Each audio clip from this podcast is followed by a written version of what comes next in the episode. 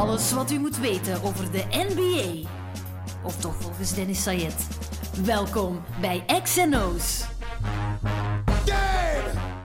Dag allemaal, welkom bij de XNO's podcast. Game 4 van de NBA Finals zit er al op. Het is 3-1 voor de Lakers. Dat 2-2 kunnen zijn, maar dat is het niet. Dus LeBron op uh, het punt om zijn vierde titel te winnen uit zijn carrière. Uh, de volgende match is vrijdag, maar genoeg om over te praten. Dus nieuwe XNO's met iemand die een echt populaire podcast heeft. Het is zover, we hebben eindelijk iemand die echt populair is in de podcastwereld bij mij zitten. Um, het is iemand die ook Jordans draagt. Dat is altijd een pluspunt uh, als je dan tegenover mij in de zetel zit. Andries Bekkers, goedemiddag.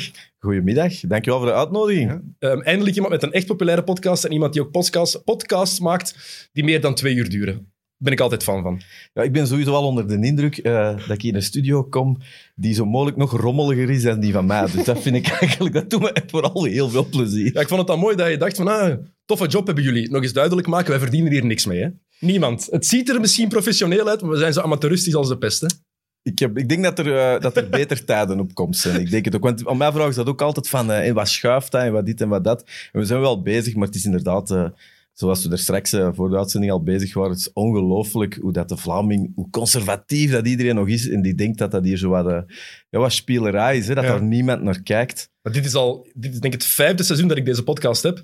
En probeer dat al langer te pushen, van, om de andere kanalen daar ook mee te beginnen. Dan is van, nee, dat gaat hier nooit een succes zijn. Maar het ding is, moet heel simpel zijn. Alles wat ooit een succes is geworden in de VS, komt altijd naar hier. Altijd. Maar zoals met alles wat ooit een succes was in de VS, moeten we er altijd wel eerst over zagen. Zou Trump en, ook naar hier komen dan ooit? Goh, ik denk dat hem hier al een paar gedaantes rondloopt met momenten. Maar het is wel heel waar wat je zegt. Het is ook zo typisch aan de Vlaming om dan zo... Het moet altijd eerst afgemaakt worden en dan moet de geschiedenis herschreven worden. Want ja. dan waren we natuurlijk eerst mee. Ja. Uh, ja. ja. Podcast in Vlaanderen, het gaat niet werken. Wow, ik denk dat die mensen hun woorden wel mogen terugnemen. Ik denk het zeker. Uh, voor de mensen die jou niet kennen en jouw podcast en jouw werk niet kennen, Vertel even, want de kans is heel klein. Want mensen die naar deze podcast luisteren, die gaan sowieso weten wat jij met Alex Agnew doet. Maar voor de zekerheid.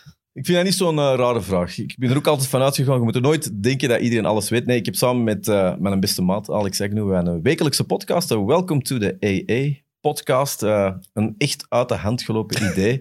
Volledig gepikt van de Joe Rogan Experience. Want zoals je er net zei, als het in Amerika populair is, dan zal het hier ook populair worden. Nee, gepikt is veel gezegd, maar dat was zeker wel de inspiratiebron dat ik had. En uh, ik was letterlijk verhuisd van Borgerhout, u wel bekend. Absoluut. En ik had een, uh, een nieuwe mancave uh, dat ik kreeg. Ik kreeg nog één kamer in het nieuwe huis. En dan heb ik volgestopt met al mijn, uh, al mijn shit, letterlijk, van platen en boekjes en, en films. En toen dacht ik, omdat ik, ik heb eigenlijk heel lang muziek gespeeld. Ik ben heel lang toerende muzikant geweest. En ik heb dat twintig jaar gedaan en dat was oké. Okay. En eerst dacht ik een studio te bouwen en dacht ik, nee, dat heb ik gedaan. Ik kan er gewoon micro's zetten. En waarom beginnen we er niet aan? En dat is denk ik wel een van de leukste beslissingen geweest dat ik in mijn leven heb gepakt. Want zoals jij zelf ook weet, is er iets leuker dan podcasten? Ik vind dat fantastisch om te doen. Vooral, zeker het concept dat jullie ook hebben, wat ik ook probeer te doen. Ik schrijf altijd een paar onderwerpen op waar ik het misschien over wil hebben. Of met sommige gasten hangt er ook vanaf wie je gast is. Soms moet je specifieker gaan. Toen aan Wouters bij mij bijvoorbeeld zat, ja, dan wil ik het meer over WNBA hebben. Dan bereid ik me daar meer op voor. Maar het leukste is dat je gewoon babbelt en ziet wat er op je afkomt. En jullie zijn daar het, het mooiste voorbeeld van, denk ik. Van, oké, we hebben die gast, bijvoorbeeld met Filip Joos. We gaan het sowieso over sport hebben. Wanneer en hoe? Ik heb er geen idee van. En we zien wel wat er op ons afkomt. Ja, ik denk dat, ik, denk dat ik het niet beter zou kunnen verwoorden. Ik denk dat dat ook is, uh, ik denk dat het ook eigen aan de tijd is. Ik zie dat ook wel bij, bij jongere mensen en zo. Ik denk dat, wij ook een, ik denk dat wij een beetje de overgangsgeneratie zijn die zo met één been in de klassieke mm. uitzendingen zitten. Ja, die, dat spanningsveld, hè, dat is fantastisch. Hè? Want het is ook niet dat er bij ons altijd zo'n zotte dingen gebeuren, maar het feit dat het kan gebeuren, ik denk dat dat hetgeen is waar dat tv de laatste jaren heel hard op naar, naar op zoek is. En waarom dat podcasts zo populair zijn. Mm. Zoals gezegd, hè, er is geen agenda. En het kan ook blijven duren, want het is, wordt heel vaak gezegd, ja, de aandachtspannen van de jeugd is, is er bijna niet meer. Dus daarom moeten filmpjes online een, een minuut duren, een minuut en een half, dertig seconden, zo kort mogelijk. Maar voor podcast geldt het tegenovergesteld. Omdat de mensen het weten, oké, ofwel luisteren dit in de wagen, ofwel openbaar vervoer als we gaan lopen, gaan sporten. Er zijn genoeg opties. En ik ben bijvoorbeeld iemand... Ik vind het fantastisch als het net meer dan twee uur duurt. Bill Simmons bijvoorbeeld, een van mijn lievelingspodcasts, met Ryan Russillo als die met twee opnemen, bijna altijd twee uur en tien minuten, twee uur en een kwartier. En dan zegt iedereen, het is toch veel te lang? En ik denk, oh, nee, nee, nee, totaal niet juist. Nee, en ik, en ik vind zelfs, zeker eh, naar luisteren geef ik wel gelijk, maar als je zelf ook podcasts opneemt, wat jij ook doet, ik geloof ook wel dat er...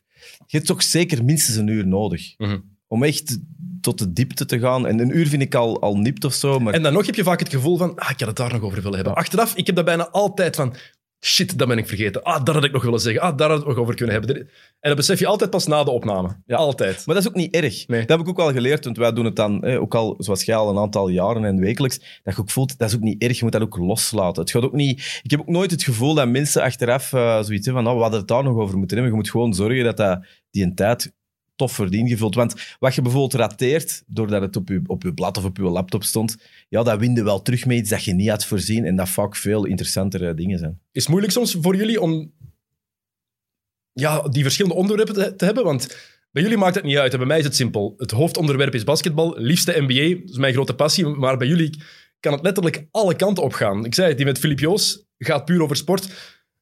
Maar jullie hebben al zoveel verschillende gasten gehad. En jullie hebben al zoveel onderwerpen aan bod laten komen. En zelfs bij, bij Filip, we weten dat het daar over sport gaat, maar jullie zijn, hebben zoveel andere onderwerpen aangeraakt. Is dat denk je volgens jou ook de kracht van die podcast net? Dat het alle kanten op kan gaan? Ja, ik denk ook wel, de, de kracht is ook wel de authenticiteit. En dat, zullen- dat, dat zie je hier ook en zo. Uh, je kunt ook alleen maar iets goed doen als het ergens in nu zit. En bij ons is een, breed, een brede kennis of interesse in veel dingen, denk ik, eh, wat, wat het echt wel typeert. Ik ben iemand geweest, ben altijd een heel nieuwsgierig iemand geweest. Ik vind het ook leuk om dingen te weten. En als er bij ons gasten komen, en Alex heeft net hetzelfde. En plus komt er nog iets bij, dat wij heel goede vrienden zijn, maar op een bepaalde manier een compleet ander kennisveld hebben. En, maar wij zijn wel heel goed, heel complementair en wij zullen ook elkaar daarin steunen. Mensen hebben dat niet echt door of zo. Waardoor dat je samen eigenlijk veel meer kunt coveren dan dat wanneer dat je het individueel zou doen. Maar sowieso, ja, ik heb wel terug veel meer boeken gelezen of zo. Wat ik er vooral mooi aan vind eigenlijk aan jullie is, en dat vind ik bij de meeste podcasts, daarom dat ik zo fan ben van die van Bill Simmons bijvoorbeeld, het is echt. Er is niks fake aan. Er wordt... Sommige podcasts, daarbij voel je, ja, dat is te voorbereid. J- Jij bent niet echt eerlijk. Maar bij jullie voel je ook, ja, jullie zeggen wat jullie denken. Het komt daar gewoon echt uit zoals het, zoals het is. En dat maakt het voor mij net veel aangenamer om te blijven luisteren. En je moet het zelfs niet eens zijn met de mening dan van, van jou, van Alex, van Bill Simmons, van Ryan Russillo, van zoveel andere podcastmensen. Als het echt is, maakt dat niet uit. Dan wil je blijven luisteren. Ah, dat is mijn gevoel toch tenminste. Ik, ja, ik ben volledig eens. Dus ik, ik, ook altijd zo, ik denk dat jij dat ook wel doet. Je wilt ook wel iets maken waar je zelf graag naar kijkt. En, uh, en ik vond dat altijd, als je, zeker als je zo interviews kijkt en zo, zeker op televisie, daar zitten vaak goede momenten in, maar er zit ook iets heel artificieel aan. En, en je voelt ook wel dat je... Uh, hetzelfde ook met meningen. Hè. Je kunt ook... eh, bijvoorbeeld, eh, We leven in een tijd van Twitter en van, en van korte statements. En soms zie je iemand iets zeggen op Twitter en die zegt iets controversieel en dan is dat, een, dan is dat oorlog.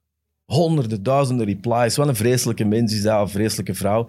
Zit die in een podcast en die zeggen letterlijk net hetzelfde, alleen is dat gecoverd Nuance. door nuance Ja. en heel vooral een tien voorbeelden. En je zult zien dat je het procentueel gezien bijna niks shit niet meer krijgt. En eh, dat alleen al vind ik al de essentie van een- waarom dat een goed gesprek zo belangrijk Mhm. is. Had ik pas nog... hadden het over, ik had pas met iemand aan het tweeten over Miami tegen, tegen de Lakers nu. En ik zei dan van, ja, Miami heeft gewoon in, in de breedte de betere ploeg. Intrinsiek, Bama Debayo is beter dan Dwight Howard of JaVale McGee. Goran Dragic is beter dan Rajon Rondo. En dan kreeg je meteen het antwoord, eh, oh, d- eh, Dwight Howard, drie keer Defensive Player of the Year. Van, ja man, nu zijn die beter. En als je dat dan uitlegt en je kan erover praten en zeggen van, kijk, Rondo was absoluut beter superster, is Dragic nooit geweest, maar nu is de impact van Dragic groter op Miami, topscorer van die ploeg, meeste shots. Hij was degene, als die goed speelde, won Miami. Die impact heeft iemand als Rondo niet op de Lakers, ook al heeft hij zijn rol en is die ook belangrijk. Hè? Maar op Twitter, ja, je zegt iets en mensen denken dan ook vaak meteen van, ja, nuance bestaat niet meer. Het is gewoon weg en dat is, dat is zo jammer. En ik ben iemand, ja, je kan dan zo'n zo'n draadje maken, hè? tien tweets. Na twee, twee tweets ben ik het kotsbeu. Echt, dan heb ik het gehad met dat type. Ja, dat is gewoon veel te veel werk. Ja, echt. Want inderdaad, als jij dat zou zeggen tegen die persoon en, en, die, en, je- en dan zou die waarschijnlijk zeggen, oh, vinden dan? Dan zou je zeggen, ja, maar het is niet 2009 dat hem bij wat is dat, Orlando Magic Ja. of zo zat. Ja, dan zou, dan zou die rotopmerking al niet meer komen. Dat is waar. Ja. Maar je kunt dat natuurlijk niet allemaal in een tweet zetten. Nu, los daarvan... eh, ja, ik heb er ook wel geen medelijden niet meer. Het is, we zijn hier niet over rocket science bezig of zo. Ik bedoel, je kunt ook opzoeken. Ik, ik vind een van de dingen dat je ook al wel leert, zeker als je, als je podcasten doet, of gewoon dingen in het leven doen, is nederigheid. Je weet, als je met mensen praat, als je... eh, Dat is misschien een beetje het voorrecht dat je hebt of zo. Je hebt, daar ook, je hebt hier ook al veel mensen gezeten. Neem nu Filip Joos, omdat dat een beetje onze gemeenschappelijke kennis is. Ja, eh, ik zie dat nog altijd... als een soort voorrecht dat je met zo iemand kunt praten. Zeker als, die, als je die zijn eigen ziet smijten. Dat is ook iemand die heel zijn leven lang zich gefocust heeft op, op een aantal dingen. Ja, die arrogantie dat ik soms bij mensen zie. Eh, hè, vandaag is het Filip Joos, morgen is het een viroloog, overmorgen is het een politicus. En die hebben drie keer dezelfde mening en vooral dezelfde arrogantie. En dat is iets, hoe meer dat je begint te lezen en hoe meer dat je voorbereidt, ja, dan krijg je automatisch een nederigheid. En ook niet alles te serieus nemen. Bijvoorbeeld, ik heb op Play Sports op maandag hebben een online programma, Voet Vooruit heet dat. Dat is een programma van 12, 13 minuten, gemonteerd. Maar wij nemen altijd minstens een uur of langer op. Dus dat is de bedoeling. We werken met harde cuts. Het gaat vooral over toffe beelden zien. En we hadden pas iets gebracht over de mascotte van Arsenal, die is ontslagen. De Gunnerosaurus, geweldige naam. De dinosaurus is daar ontslagen om kosten te besparen. En ik was ermee aan het lachen. En ja, we hebben daar een uitgebreider gesprek over gevoerd. Maar ons programma gaat over, wij doen expres geen research, want het is hier om leuke beelden te zien, om te lachen, om de mening van onze gasten te hebben. We hadden Sebastiaan de Walen van Undercover en van eh, Eigen Kweek, Ja, acteur. Goeie acteur. En dat was ja, meteen de reactie onder die post. Na een minuut onder die post van dat fragment. "Ah, die is helemaal niet ontslagen. Hij gaat nog terugkomen en doe betere research. Juiste artikels lezen van, oh jongens, het is om te lachen. Het is niet te serieus. En het is maar, ook, het is maar sport. En dat denk ik ook bij veel reacties op als ik een mening over de NBA heb. Van jongens, ja, ik reageer ook soms fel. Maar dat is, het is allemaal niet zo erg. Het is maar basket. kun je je voorstellen als je LeBron James en je pakt je, je Instagram en je tweet bepaalde dingen? Ja, dat, is, eh, dat moet waanzin zijn. Ja. Moet, moet onwaarschijnlijk Ik zijn. zou dat wel eens zien. Ik heb zo, voor mijn job en zo, ben ik al wat, doe ik al wat social media voor een aantal accounts. En er zijn er wel een paar bij met, met ja, 200.000 of zo. Maar ja, bij LeBron James dat is 2, 73 miljoen of zo. Ik heb er geen Ik idee zou dat, ja, het is echt veel. Zo. Ik zou dat wel eens willen zien als hij iets post, om dan zo naar die mentions te zien, hoe dat, dat binnenkomt. Volgens mij moet dat waanzin Maar dat is zoals de reacties op Hagelen. Ja. Onder een Hagelen-artikel. Dat is grappig voor de eerste vijf. De vijf daarna denkt je, hmm, ça va. En dan wordt het gewoon frustrerend. Dan ben je het gewoon kotsbeu, denk waar. ik. Ja, ik denk dat hij ook niet, ik denk van zijn niveau, dat hij dat ook niet meer leest. Maar no way. Hij kan dat ten eerste fysiek niet lezen. en ten tweede, waarom zou hij ook?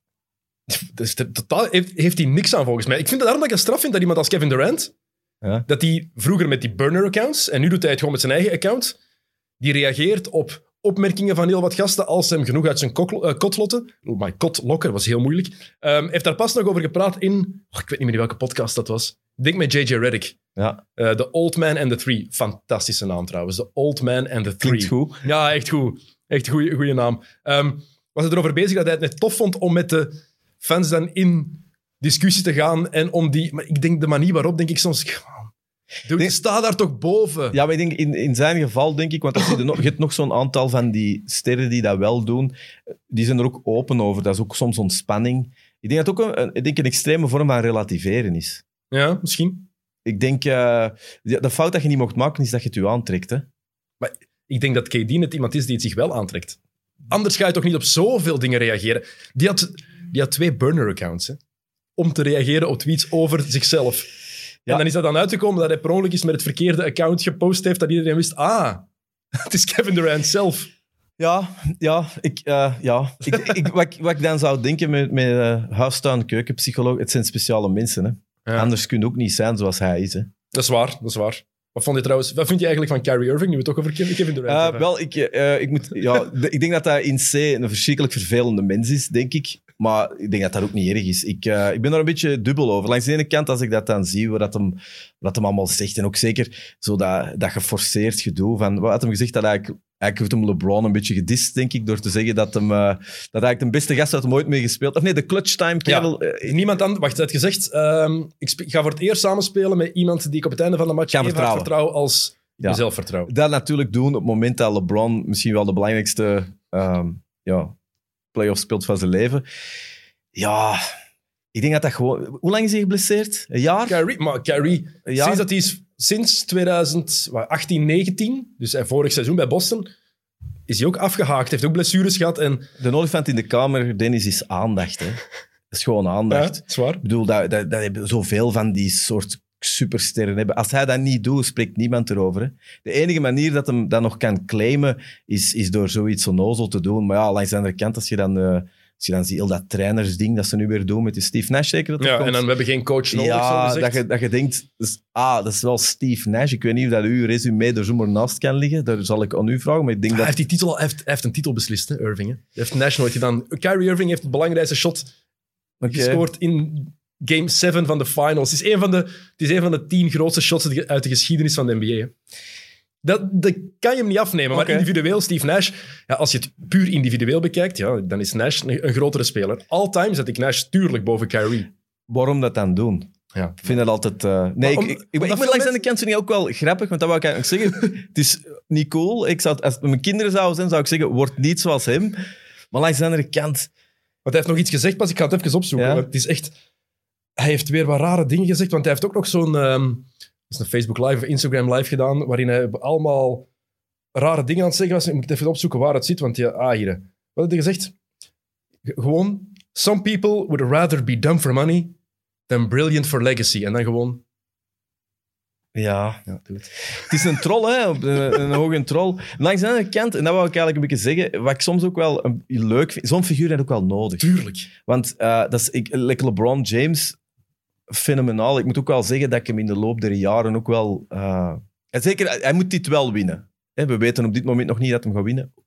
Waarschijnlijk wel, maar hij moet het ook winnen. Als hem, als hem ooit nog de Jordan-LeBron-vergelijking iets of vakant wilt maken... Maar, en ik vind ook fantastisch dat hij zo'n rolmodel is. Mhm. Allemaal tien op tien. Maar je hebt wel dat soort assholes nodig ook wel. Want die, dat was ook hetgeen waar ik verliefd ben geworden op de NBA. Was ook in begin jaren 90 dat er inderdaad hè, die Detroit Pistons en eh, hoe heette die gasten, hoe is die, Bill Laimbeer en, en al die kerels kwallen van figuren. Ja, dat zorgde ook wel voor, voor, voor verhaal of zo. En LeBron is vlekkeloos, hè.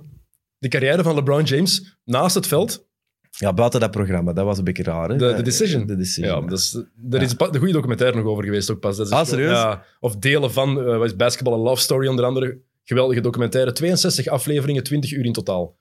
Geloof mij. Je hebt het allemaal gezien waarschijnlijk. twee Tuurlijk. keer. Ja, twee, twee keer. Ja. Ik, heb, ben- ik heb zelfs de boek erover gelezen. Ja. Het, boek, het boek. De boek, het boek. De burgemeester van Aalst zou niet tevreden zijn met mij nu. Ik, ik, ik geef u het eh, voordeel van de twijfel. Dat doet de burgemeester van Aalst niet. Nee, Die zou een tolk nodig hebben eh, om het in het Engels uit te leggen. Hadden die, Maar- geen- hadden die een goede basketbalploeg, Alst? Nog altijd een eerste klasse ploeg, hè. Okapi. In het forum, die zijn ook al jaren zo gezegd bezig aan de nieuwe zaal. Maar op dat vlak is België geweldig. Hè. Kangaroos Mechelen Ja? speelt nu in de Winketkaai in Mechelen. Ik weet niet of je de Winketkaai kent. Nee. Dat is waar Racing Mechelen in de jaren 80 en 90 speelde. En in 95 is Mechelen daar weg moeten gaan, omdat de zaal niet voldeed voor eerste klasse. 25 jaar later zijn we daar terug. Dat is wel top. Dat is echt, dat is echt België in een nood. Ja, dat is echt... Ja. Dat is net zoals de, de nieuwe verstrengde maatregelen, hè, sinds Gisteren? over, ja, overmorgen Ja, officieel. Sinds vrijdag wordt het officieel. Je mag maar met vier mensen in een, in een huis zitten, maximaal. Maar je mag wel gaan basketten.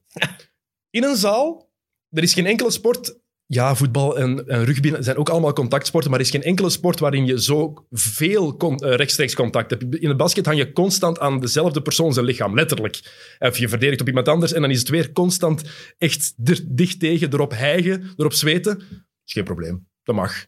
Mag. Maakt niet uit dat er in tweede klas, in derde klas, in eerste landelijke, tweede landelijke, dat daar al heel wat ploegen forfaits hebben moeten geven. Of we gaan dat weekend niet kunnen spelen door, door eh, besmette, besmettingen. Dat maakt allemaal niet uit. Maar, oh, pas op. Je mag niet meer meer dan vier op café. Eh, allee. Die snapt er geen hol van. Maar ik denk dat niemand dat doet, Dennis. Ik denk dat je daar... ik denk, denk dat je daar eh, Wat vond je trouwens van de bubbel eigenlijk? In de NBA. Ja? De mooiste bubbel die ik al gezien heb. Dat is wel- Van, als, je, als je denkt, ah, bubbel. Nee, het mooiste sportevent van de heel deze coronacrisis. Ehm, de Tour de France was de grootste klucht dat ik ooit gezien heb. Ja. sorry, ik snap, ik snap, die, ik snap dat, dat Thomas van de Spiegel wat die en Wouter van der Hout, wat die met Flanders Classics zeggen van kom niet naar de koers. Eén, koers is veel toffer om te zien op tv. Laat dat al duidelijk zijn. Ik snap niet dat je, daar, dat je niet wilt bekijken op tv, want die kan mee- Braadworsten, braadworsten neem ik Ja, aan. maar die zijn er niet nu, hè? dus Ja, dat maakt, dat maakt niet uit. Ja, je vroeger, zelf- vroeger Ga je dan. die zelf meepakken nu. Ja. hè? Maar nu bijvoorbeeld. Maar het is de enige sport waar ik de supporters nog niet bij gemist heb. Even straks is er niks mee te maken, wat ik altijd heel raar gevonden heb. Als ik zo naar Tour de France keek bijvoorbeeld, of Ja. de Ronde van Vlaanderen, maakt niet uit, maar Tour de France was gemakkelijker omdat er natuurlijk veel heuvels of bergen in waren.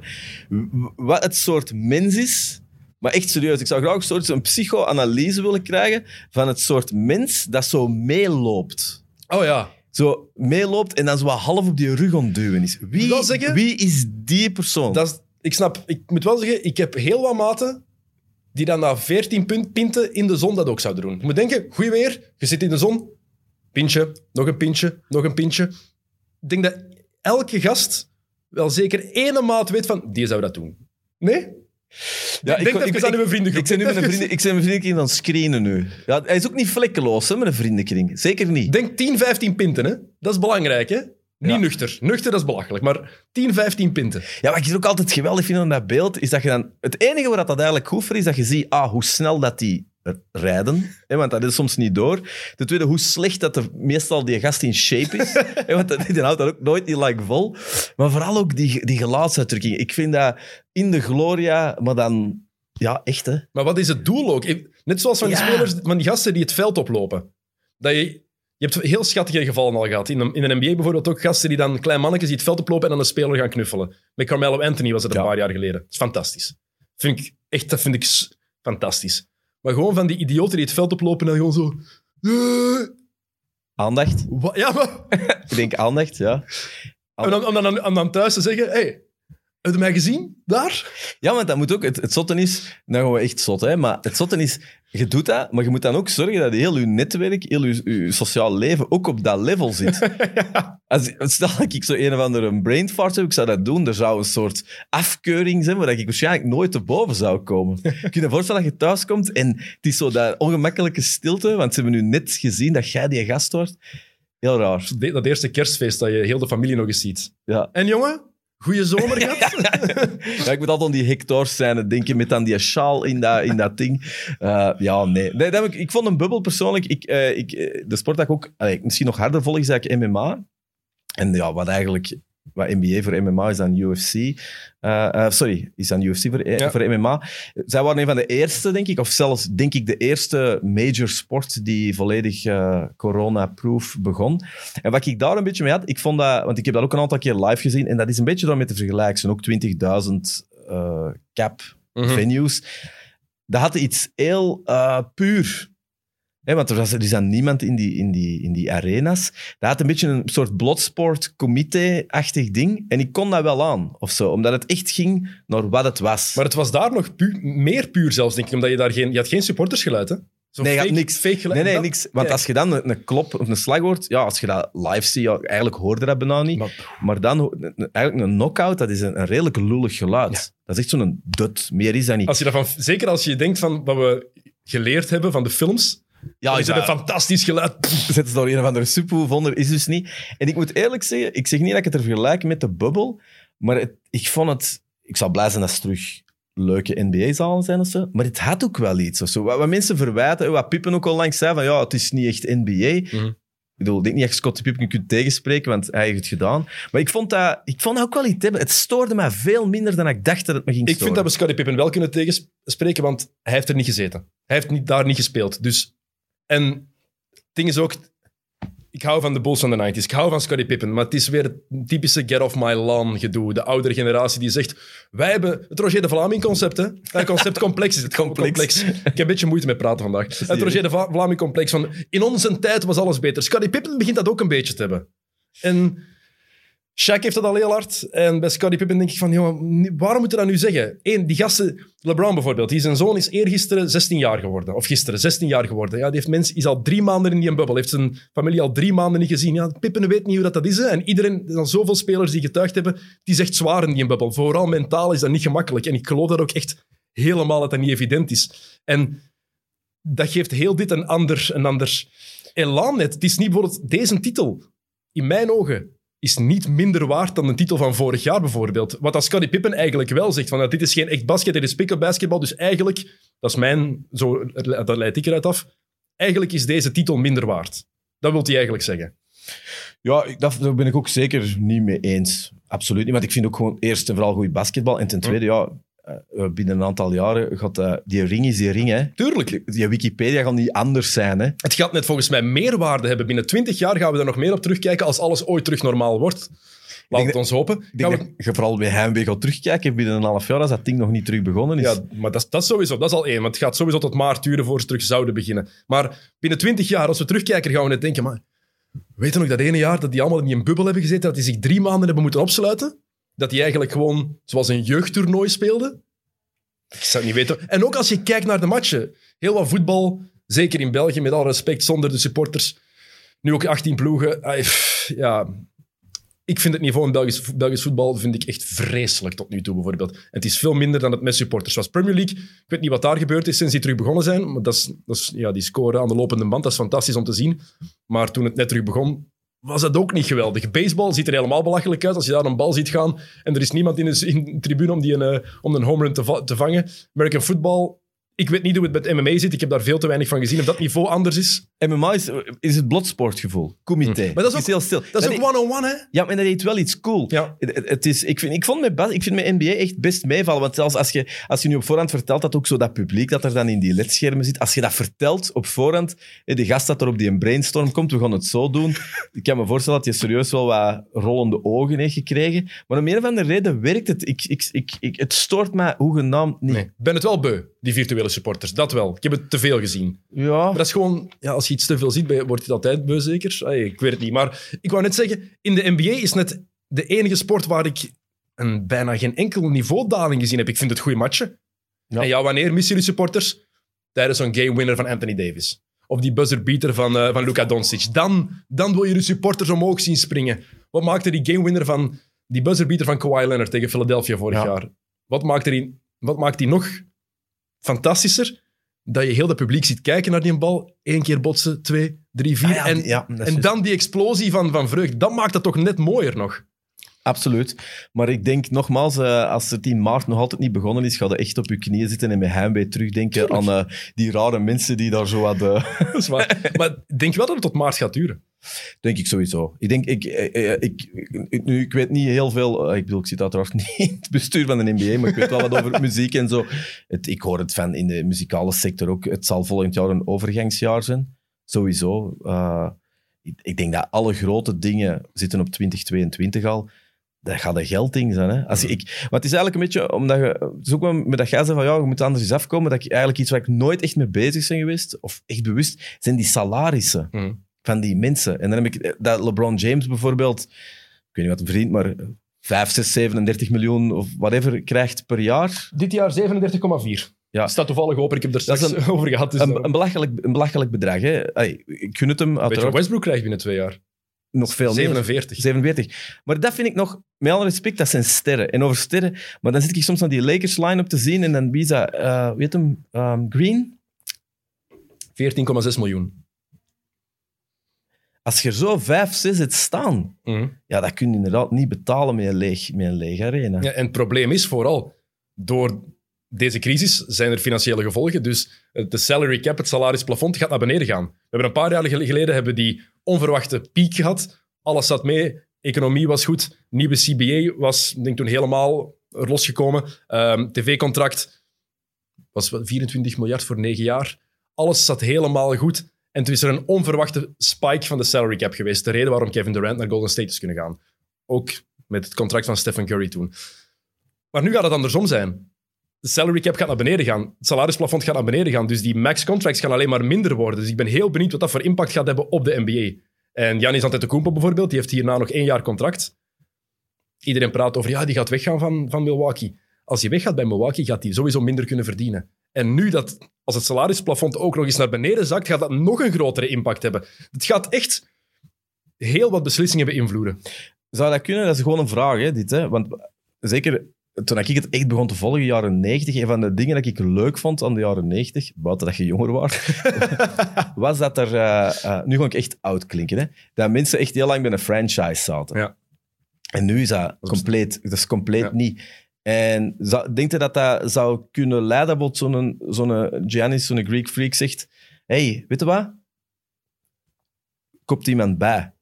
Maar het ding is, Kopt iemand bij. Ik, ik, wil, ik wil mij vereenzelvigen met de Bucks. Maar dat is het ding. Koopt iemand bij, dat is hoe het in het internationale voetbal gaat. In de NBA kan dat niet. Dat kan niet in de NBA. Dat is het ding net. Ze hebben, ehm, Chris Middleton heeft een zwaar contract. Ja. Eh, Eric Bledsoe heeft dan... Ja, dat is belachelijk wat hij verdient voor zijn kwaliteiten. Ze hebben Brook Lopez. Ze, kunnen, ze, ze hebben geen geld om een free agent aan te trekken. Dan moeten ze traden.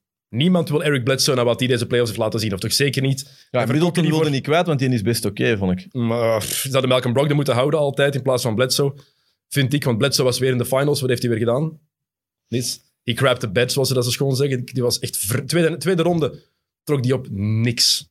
0,0 meerwaarde. In het reguliere seizoen was hij weer goed. Ja. Maar ja, Reguliere seizoen was Milwaukee als ploeg goed. Daar heb je, ai, heb je nu niks aan gehad. Dus het ding is net, dat maakt niet uit. Ze moeten kunnen traden. En er is niemand volgens mij waar ze echt deftige trades mee gaan kunnen doen. Dus ik vrees, ze hadden gewoon Malcolm Brogdon moeten, zijn contract moeten verlengen en dan maar in de salary, in, het, in de luxury tax moeten zitten. Want als je over het salarisplafond gaat, moet je iets van een, Ja. een tax betalen. Hadden ze dat maar moeten doen. En het ding is, Damian Lillard probeert dat ook al jaren hè, bij Portland. Die is trouw. Het is gewoon een hele andere mindset. Die, die is gewoon geshift bij de NBA-spelers, als je het vergelijkt met de jaren 90. En natuurlijk ook Wil dat dan eigenlijk zeggen dat iets als de Lakers, eh, LeBron en AD, dat dat dan eigenlijk uitzonderlijk is? Maar LeBron en AD zitten er, LeBron zit er twee jaar en Davis zit er één jaar. Nee, maar het feit dat je... Want dat vind ik bijvoorbeeld wel, als je nu naar de, de Heat... eh, als we het dan hebben over eh, de afgelopen weken... ehm, ja, wat ik heel hard erbij merkte, dus de Game 3 is fantastisch. En wat dat Butler doet, is geweldig. Maar ja, eigenlijk wisten toen al dat het verloren was. Maar wist, Omdat je weet, die gast heeft een one-off gedaan. maar dat wist je vanaf game 2. Hè? Als Bama Debayo en Goran Dragic erbij zijn, is alles anders. Dat is een ploeg die geen enkele speler kan missen. Dat, is alle, dat, dat Ja. maakt alles anders dit daar. Hè? Nee, maar wat ik wel... Wat ik wel het is ook een beetje een vraag die dat me ook wel opviel eigenlijk. Als je ziet, je ziet het is heel duidelijk. LeBron is wel super constant. Hij krijgt soms shit omdat hij maar 25 punten Ja, pakt. Dat is belachelijk. Maar laten we eerlijk zijn, die gast is altijd zijn 8 op 10 waard. Hey, die kunnen we wel over, over zeuren. Maar wat ik ongelooflijk vind, is dat vers- die, die, eh, de, die others dan, hè, dan, die zijn allemaal Caruso, Kuzma en al die Mhm. gasten. Hoe, hoe goed dat die zijn als de rest goed is. Maar dat, dat zegt alles over de... Want gisteren waren ze ah, allemaal veel Ken beter. Davis, Caldwell Pope, Ja. wat ik absoluut altijd een scheidspeler vond, Ja, begrijp ik ook was fantastisch afgelopen nacht. Was Ja, echt Hij heeft vooral zijn laatste, laatste, allee, de laatste 10 minuten heeft hem wel de vijf punten Maar gemaakt. Belangrijk, verschil gemaakt. is- dit was voor één keer de KCP-game. Dat is erg om, te, erg om te zeggen, helemaal niet erg om te zeggen, maar die heeft nu voor gezorgd dat, we, dat ik nooit nog op, op hem mag kakken. Gewoon door die ene match. Nooit nog mag ik daar iets van zeggen. Die match heeft ermee voor gezorgd dat de Lakers de titel gaan pakken en Caldwell Pope was cruciaal. Maar hoe komt dat mee? Onder andere, ja, omdat je met LeBron en AD zit. En die maken je ploegmaat zoveel beter. Hè? Dat maakte supersterren echt legendes. Als je je ploegmaats ook nog eens zoveel beter maakt, ja, dat, dat zorgt ervoor dat je van een ander niveau bent. Hè? Ja, maar het viel me wel op dat het dan ook echt niks is. Je ziet heel hard bijvoorbeeld die drie. Er gaan er een hele hoop Champions Rings hebben. Terwijl Barkley er altijd zal zitten. Ik heb er geen. Ja, maar ja. ik- Ja? ik van, hoe heet die gast? Hoe heet die gast dan weer? Horry of Robert Horry? Robert er Horry. Met zijn 91 ringen. En, en, Zeven, en, ja. en je hebt hem nooit eigenlijk... Allee, kan mij geen één actie nog... eh, hij- De, de shot tegen de Sacramento Kings. ja, maar... Big shot Bob, dat is nu één, dat is nu Oké, ik pak het terug. heel ik pak het belangrijk terug. Ik pak het terug. Maar je weet wat ik wil zeggen. Hij heeft veel... Ja, ja. ve- veel ja, eh, eh, maar je, je ziet die nooit niet in, in, in andere teams cruciale rollen, eh rollen Dat zijn pakken. roleplayers, hè? Ja. Steve Kerr. Ja. Vijf titels gewonnen. Altijd als roleplayer. Maar dat is het, dat is het ding net. Hè. Sommige spelers zijn zo'n cruciale roleplayers dat die in elke ploeg hun, hun plaats hebben. Sommige spelers zijn maar in, andere situa- in bepaalde situaties goed. En dat is heel... Ja, dat fluctueert echt. Ja. Dat fluctueert. Maar dat zegt net... ja, dit is gewoon... LeBron en AD zijn gewoon buitenaards. Dat is het ding met deze Lakers. Want de Lakers, ik vind over het algemeen... Ik ben eigenlijk geen fan van de supporting cast die LeBron en AD hebben. Het ding is gewoon... Ik vind Davis Caruso wel leuk. Ik vind die Caruso wel tof. Caruso is ook een van de betere. En ik vind dat wel een hele... Want man, basketbal IQ er ook niet straf genoeg voor. Maar als je er zeker als je erop let, zeker als, als ze erop wijzen en zo... eh, hij scoort niet altijd, maar dat is wel dat is wat ze in wielrennen, dat is de meesterknecht. Wat die gast heel de tijd aan het doen is voor die twee. Ik denk dat ze die wel zouden missen. Tuurlijk. Wat Tuurlijk. maar- wat, die, wat, wat, die doet on screen zetten en Ik denk dat hij vreselijk moet zijn om tegen te spelen, want die stopt niet. Dat is een colibri overal. Ja, dus daar zie ik nog wel waarde. Ik vind ze niet allemaal... eh, maar, in, maar in deze playoffs, Rajon Rondo. Het hele, want alle Lakers-fans zeggen nu, we hebben er altijd in geloofd. Nee, nee, nee. nee. Nee, nee, tot, aan, tot in maart waren alle Lakers-fans constant aan het kakken op Rajon Rondo.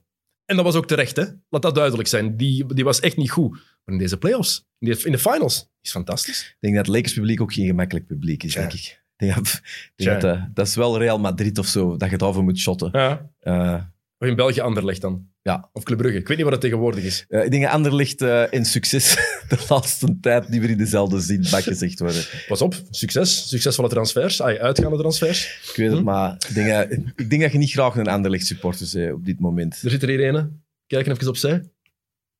Ja, het wordt even heel stil. Dus, ik, denk, ik zal het zo zeggen, het zijn moeilijke tijden voor de Anderlecht supporter. voilà. Mo- mooie, mooie nuance. Een mooie nuance. Maar het ding is met, met, met LeBron James en Anthony Davis, als die allebei goed zijn, zijn ze bijna niet te kloppen. Als die allebei fantastisch zijn, is er niks aan te doen. Maar dan er- maakt het bijna niet uit wie je daar rondzet, omdat die twee gewoon zo belachelijk goed zijn. Ja, en dat is ook wel, zeker als ze nu de vergelijking maken met, de, met het Bulls-team van eh, de jaren 90 of zo. En dat is toch wel iets dat, dat, dat, dat toch altijd een beetje in Jordan zijn voordeel zal, zal spelen of zo. Hij, ja... Pippen was geen Anthony Davis. Maar Pippen is wel de beste luitenant die Jordan kon wensen. Dat wel. Dus Complementair gewijs wel, maar ik denk wel dat... Ja, ik denk dat LeBron het... Net gewoon dit inches, hè. Hij mag hier niet meer verliezen, hè. Nee, maar ding is, ik denk dat LeBron te veel Scottie Pippen in zich heeft. Ik bedoel niet als tweede, als tweede keuze, maar ik wil qua manier van spelen.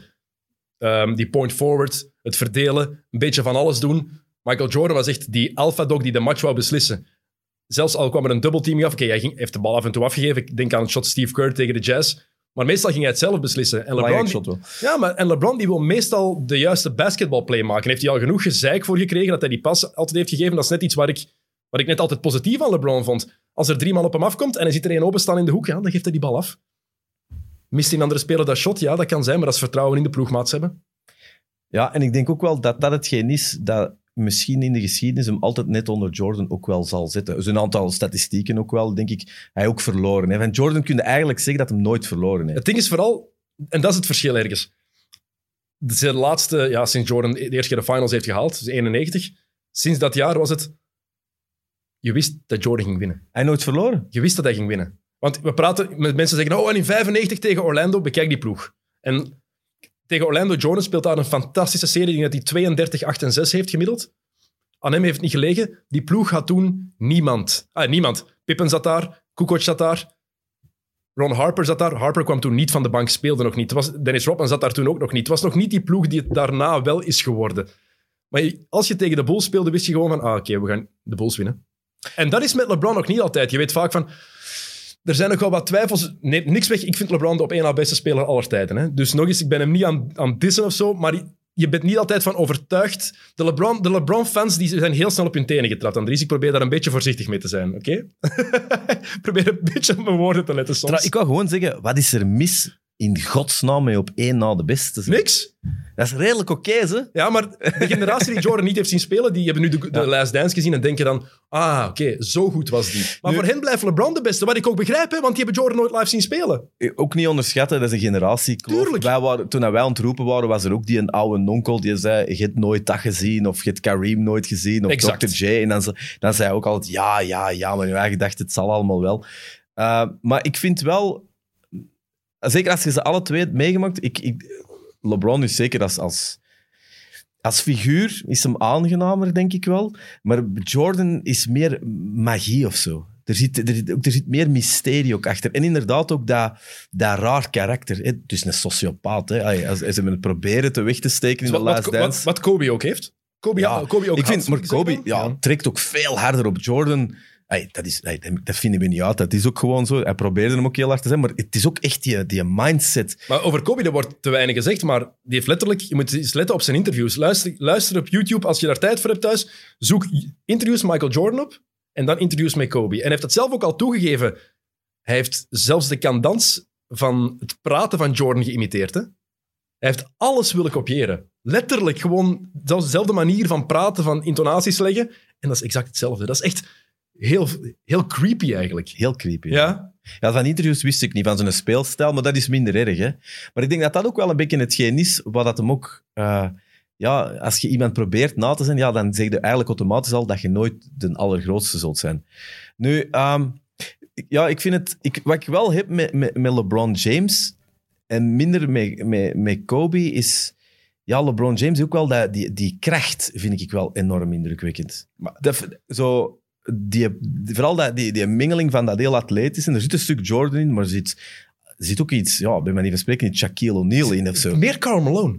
Ja, Maar maar een ik, stuk ja, ook fysiek zwaar. Ja, daarom. Fysiek trekken ze hard op elkaar. hè. Van lijf toch? daarom. Je hebt de kracht en het, het lijf van Karl Malone ergens. Je hebt delen Michael Jordan. Je hebt stukken Magic Johnson daarin zitten. Je hebt stukken Scottie Pippen. En dat is, het, dat is net wat LeBron zo, zo mooi maakt. LeBron is misschien is all-around, puur qua talent.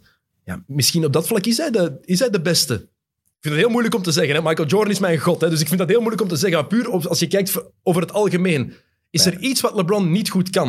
In het begin, want tien jaar geleden kon hij niet shotten. Iedereen ging altijd onder de screen, gaf hem twee meter. Van acht. Drie meter achter de driepuntlijn. Bam, binnen. Heeft, heeft zich zo ontwikkeld, zo geëvolueerd. Het is, het is gewoon een fenomeen. We kunnen daar niet omheen. Hè? En het is, er is geen enkele sporter in de geschiedenis die zijn hype zo heeft ingelost en zo heeft overtroffen als LeBron James. Niemand. En het- zelfs al haat je die gast, je kan dat gewoon niet ontkennen. Maar ik snap niet echt die haat. Haat heb ik er nooit Sport haten zijn toch mensen die altijd wel iemand Dat is haten, sport haten. Je kunt, is letterlijk, sport, hè? je, kunt letterlijk, je kan letterlijk een kleine uit het kanaal redden en dan is het nog niet goed. Daarom, dat daarom. Is, het. dat is wel een feit. Dat En zeker in deze ehm, vreemde tijden met zijn maatschappelijke boodschappen, er zijn heel wat mensen die dat nog die het Ik vind dat wel super raar dat hij dat doet. Ik vind dat, dat is hetgeen dat ik, dat ik er wel heel cool aan vind. Ook al vind ik het soms op zo'n Amerikaans. Want ik weet dat toen de Freddy, de Frederik de Bakker hier zat, die ja, ik, ook oh, het is allemaal zeemzoet. En, en zo. maar langs de andere kant dan denk ik ook van ja, hij kan het ook niet doen. Toen, toen Jordan het niet deed, waren we ook de eerste om te zeggen, ja, eigenlijk zou hem dat wel moeten doen. Het is ook nooit niet goed of zo. Ik vind dat wel, eh, ik, ik vind dat wel ik, ik denk dat dat vooral zijn plaats in de geschiedenis mee zal, eh, zal bevestigen. Ik snap de problemen die mensen daarmee hebben ook niet echt. Want eh, we zijn net altijd heel lovend over wat Mohamed Ali gedaan heeft in de jaren 60. We, we hebben lof over wat Bill Russell en Kareem Abdul-Jabbar gedaan hebben. Jim Brown, ehm, een van de beste voetbalspelers ooit. Wat die toen gedaan hebben voor de, wat er in de VS in de jaren 60 gebeurde. Het is niet meer dat 2020 is dat het niet minder belangrijk of minder dringend is dan toen. Hè? Racisme bestaat nog altijd. Hè? En we gaan niet daar die kant op gaan, want dat is een, ja, een straat zonder einde, om het dan zo te zeggen. Maar dit is geen wat LeBron James doet. En heel veel mensen zeggen, ah, politiek moet niet met sport, je moet dat niet mengen. Ik vind dat geen politiek, hè. Het gaat over gelijkheid, het gaat over maatschap, maatschappij, het gaat over... En ja, LeBron die is daar heel uitgesproken over, maar het enige wat die mens wil, is dat iedereen dezelfde kansen krijgt. Zo, zo, tenminste, zo interpreteer ik dat. Ja, ja, ik geef u gelijk. En zelfs als hij het er niet mee eens, zelfs al werkt dat op uw zenuwen. Zo. Er zijn heel veel mensen in de States die daarom niet meer naar de NBA willen kijken. Maar hoeveel? Wat is hoeveel? Als je kijkt, de, de, de kijkcijfers nu in de States voor de finals zijn vreselijk. Hè? En ligt dat, ligt dat alleen daaraan? Uh, bijvoorbeeld op hetzelfde moment was er een, van game 3, denk ik, was er een NFL-wedstrijd. NFL-wedstrijd, bijna 12 miljoen kijkers. De NBA-wedstrijd nog geen 5. Maar is NFL gewoon niet veel groter? Ja, oké, maar het zijn de finals. Het is geen regulier seizoen. Terwijl in de NFL, dat seizoen is nog maar net begonnen. Dus dat is wel echt regular season en betekent weinig. Denk je dat ze een beef met, met president Trump eh, daar iets mee te maken heeft? Absoluut. Ik denk Ja. wel dat dat een rol speelt. Zeker in hoe verdeeld Amerika nu is. Er zijn heel wat, en vooral denk ik dat er heel wat politieagenten zijn. Brian Lynch heeft dat nog gezegd in mijn podcast een paar weken geleden. Van, ja, een vriend van mij is een agent. En daarom wil hij niet meer kijken naar LeBron James' match, omdat hij zo vaak op de flikken kakt. Zo zien zij dat. Ja, het is sowieso het mode nooit een fout maken. Dat wij, wat, wat wij wel al eens ons heel schuldig aan maken, is eh, om een mening te hebben over Amerika. En als je de New York Times ziet over ons, en dan zijn we ook kwaad natuurlijk. dat is zo typisch. Dus daar we wel zeker een punt in. Ehm, ja. Ja, ik vind het... Ik pas op, hè. Ik, ik, ik, ik, ik, heb ook, ik, ik snap dat mensen zeggen, ik wil het scheiden. Maar ik vind ook al mee ouder te worden, zo niks zeggen. Ja, dan is het ook maar dat, hè. Waarom snap je dat? Als, ik, als jij hoort shut up and dribble. Of van die mensen die zeggen, ehm, schoenmaker, blijf bij je leest. Hè. Hou je... Ja, het is niet omdat ik iets snap dat ik het mee eens ben. Dat zijn A2 dingen, maar ik, ik, ah, het, is, het zou ook naïef zijn om te denken dat dat niks los... Het is, sowieso, het is sowieso altijd een heel raar gegeven, dat is in het voetbal ook, dat er racisme is totdat match is. Dat is sowieso heel raar. Ik vind altijd, als je dingen zou uitleggen aan je, aan uw dochter of je zoontje van 5, 6, ja, dan zou dat ook dan zou dat zeggen, ja, dat klopt niet. Maar dan zijn we ineens volwassen en dan ineens beginnen we raar te doen. Dus, dus ik, ik, ik, allee, ik, het blijft sowieso iets, sowieso iets raar, maar ik, ik, eh, ja, ik weet het niet. Ik, ik, om een of andere reden kan ik dat bij hem, vind ik dat bij hem eigenlijk hetgeen dat hem doet stijgen. Het, hij overstijgt het spel, ook al werkt het soms op mijn zenuwen. Ja, kan je daar helemaal in vinden. Ja. Ik, ben het, ik vind dat ook net een van... Vooral ook omdat hem keigoed speelt. Vooral ook omdat... En want dat vind ik ook een van de... Van de ehm, we hebben een podcast gedaan, allee, toen in de lockdown. Ja, konden we natuurlijk geen gasten doen. En dan heb ik documentaires beginnen doen. Dacht ik, ik doe The Last Dance. En dan heb ik me zo echt eens alles beginnen lezen en, en kijken en zo. En eh, zo goed dat ik nou vergeet. Hoe heet de gast nou weer van de Bulls? Die- Is het Craig Hodges? Craig Hodges. Ja. Ik denk niet dat het in de reeks zit, maar dat is wel zoiets dat je dan een beetje verder doet. De kerel die eigenlijk toen in 91, eh, nee 92, denk ik, naar Rodney King, zegt tegen eh, Magic en, eh, en Jordan van, Mhm. mannetjes, voor het is niet tijd dat je dat hier begint te boycotten. Ja. Eigenlijk exact hetzelfde wat eh, 28 jaar later dan met George Floyd gebeurt. Die twee hebben het niet gedaan. In, in- als je dat bekijkt, het is ook echt een, een gat in. Dat, dat is heel opvallend wat je daar zegt, inderdaad. Want als je kijkt tot aan de jaren 70, in de jaren 70 ook met Kareem nog, werden er dingen gezegd. Werd, werd er gevochten ergens voor maatschappelijke issues. Dan is de NBA kook beginnen snuiven. Serieus kook beginnen snuiven. Voor een jaar of 10, 15 is dat probleem geweest. En dan kwamen de jaren 90. Voor ons nostalgie ten top. Ik vind het heerlijk om aan terug te denken. Heerlijke momenten. Maar op maatschappelijk vlak hebben die mannen niks gedaan. Oppervlakkige troep. Helemaal niks gedaan. En dat is, dat is inderdaad heel opvallend. En Jordan is daar het grootste voorbeeld van. Hè. Hij heeft het heel mooi proberen te downplayen in The Last Dance, maar Republicans buy sneakers toe, dat was, dat was gigantisch toen. Hè. En hij heeft dat echt wel... Hij heeft dat gezegd, hè. Heel simpel. Logisch ook, hè. Ja, Je mensen wel verkopen, hè. En ook gewoon, ik, maar nogmaals, dat was een sociopaat. maar ik nog, het is ook niet, is dat erg? Ja, dat zal heel vervelend geweest zijn voor de mensen rondom hem. Ik denk sommige teammates, ja, dat is duidelijk dat die er nog altijd met een trauma van rondlopen. Ook al hebben ze natuurlijk wel. Maar ja, benoem het dan ook of zo. Er is een reden dat hij de eerste zwarte miljardair in de wereld was, hè. Oh, is dat Jordan? De... Jordan, de eerste zwarte miljardair ooit. Kijk. Ja. Dat is heel, dat is heel simpel. Well played. Well played. Ja. Absoluut. Maar dan is het wel mooi nu. Want daardoor ook zie ik Le- LeBron... Ja, als mens schat ik hem dan ook hoger in. Als Michael Jordan. Als je kijkt wat hij allemaal gedaan heeft. eh, als je je ook effectief... Als je genoeg leest en ziet waar het allemaal vandaan komt. Waarom hij die dingen zegt. En ik vind het ook belangrijk. Als je een mooi groot platform hebt, vind ik ook belangrijk dat je dat ook gebruikt. Ik snap daarom niet... Een Belgische sporter buiten Romelu Lukaku heb ik nog nooit iemand iets horen zeggen. Heb ik nog nooit iemand zien opkomen voor maatschappelijke issues. En ik vind dat... Ik stoor me daar een klein beetje aan, als ik heel eerlijk ben. Ik vind het heel mooi net als je een platform hebt, dat je dat ook gebruikt. En LeBron doet dat als geen ander. Maar Michael Jordan, die is van de mening, ik zwijg, ik hou mijn bakjes. Maar nu pas, iedereen geeft dan een miljoen. Hè? Cristiano Ronaldo, schatrijk, 500.000 dollar. Michael Jordan, 100 miljoen. Ja. 100 miljoen. Ja, dat is, dat is ook weer een statement maken dan En natuurlijk. kijk goed, en dan kun je ook zeggen, ah, nu gaat het afkopen. Oh, whatever, eigenlijk toch maar gegeven. Mhm. Ik vind ook, eh, eh, ik ben ook de eerste om, je moet ook soms mensen kunnen vergeven, mensen kunnen ook veranderen.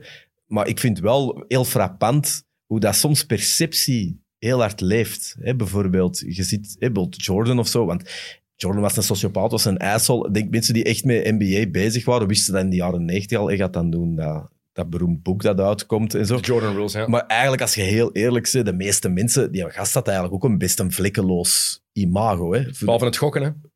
Ja, maar ook het schokken. Ik, ik Toen was dat een gigantisch issue, hè, in die tijd. Ja, maar ik kan me... Ja, ja. Maar de tijd was ook anders. Nieuws kwam ook anders binnen. Nu zouden dat... Moest dat nu gebeuren, dan weten we letterlijk wat hem de avond ervoor had gedaan. Toen was het toch nog... Ja, dan hebben we het op beeld gewoon. Waarschijnlijk. Dan wordt het gefilmd Ja, dat in de casino's. toen was dat iets... God, ja, dat stond wel eens ergens in of zo. Die gasten hebben ook natuurlijk veel meer geluk gehad dan dat ze nu hebben. Ik denk dat is ook wel... eh, Maar daarom dat ik het dus wel leuker vind, nou, we toch van de hak op de tak, een Kyrie Irving of zo. Ik ben ook nog wel blij dat hij er is. Ja. Dat het niet alleen is hè, LeBron James, die, die inderdaad... Want die persconferenties, daar moet ik Filip Joos dan wel weer gelijk... Of wie was het, eh, van de Bimt of zo, als ze zo voetbal, de Rode Duivels moeten interviewen. En dat is... Vreselijk. Dat is vreselijk. Ik moet eerlijk zeggen, het is nog niet zo erg bij, eh, bij LeBron en zo, want hij zegt ook nog wel dingen. Maar soms denk ik ook wel, als Jimmy Butler, eh, ja, come on man, als, als Jimmy Butler bij Jordan had gedaan wat Jimmy Butler bij LeBron had gedaan, ja, ja, dat had... Allee, die had, die had geen bal geraakt hè, gisteren. Mogelijk. En nu is dat zo, ja, he was great yesterday. En dan denk ik ook, ja, een fair play, dat is fantastisch en dat is cool, maar ik zou het ook al raar gevonden dat hij gewoon zei, fuck you asshole, I'm coming for you. Hè, en dat hij gewoon een... Stel voor dat LeBron eens de camera zou pakken en zou zeggen, Jimmy, je gaat geen bal raken.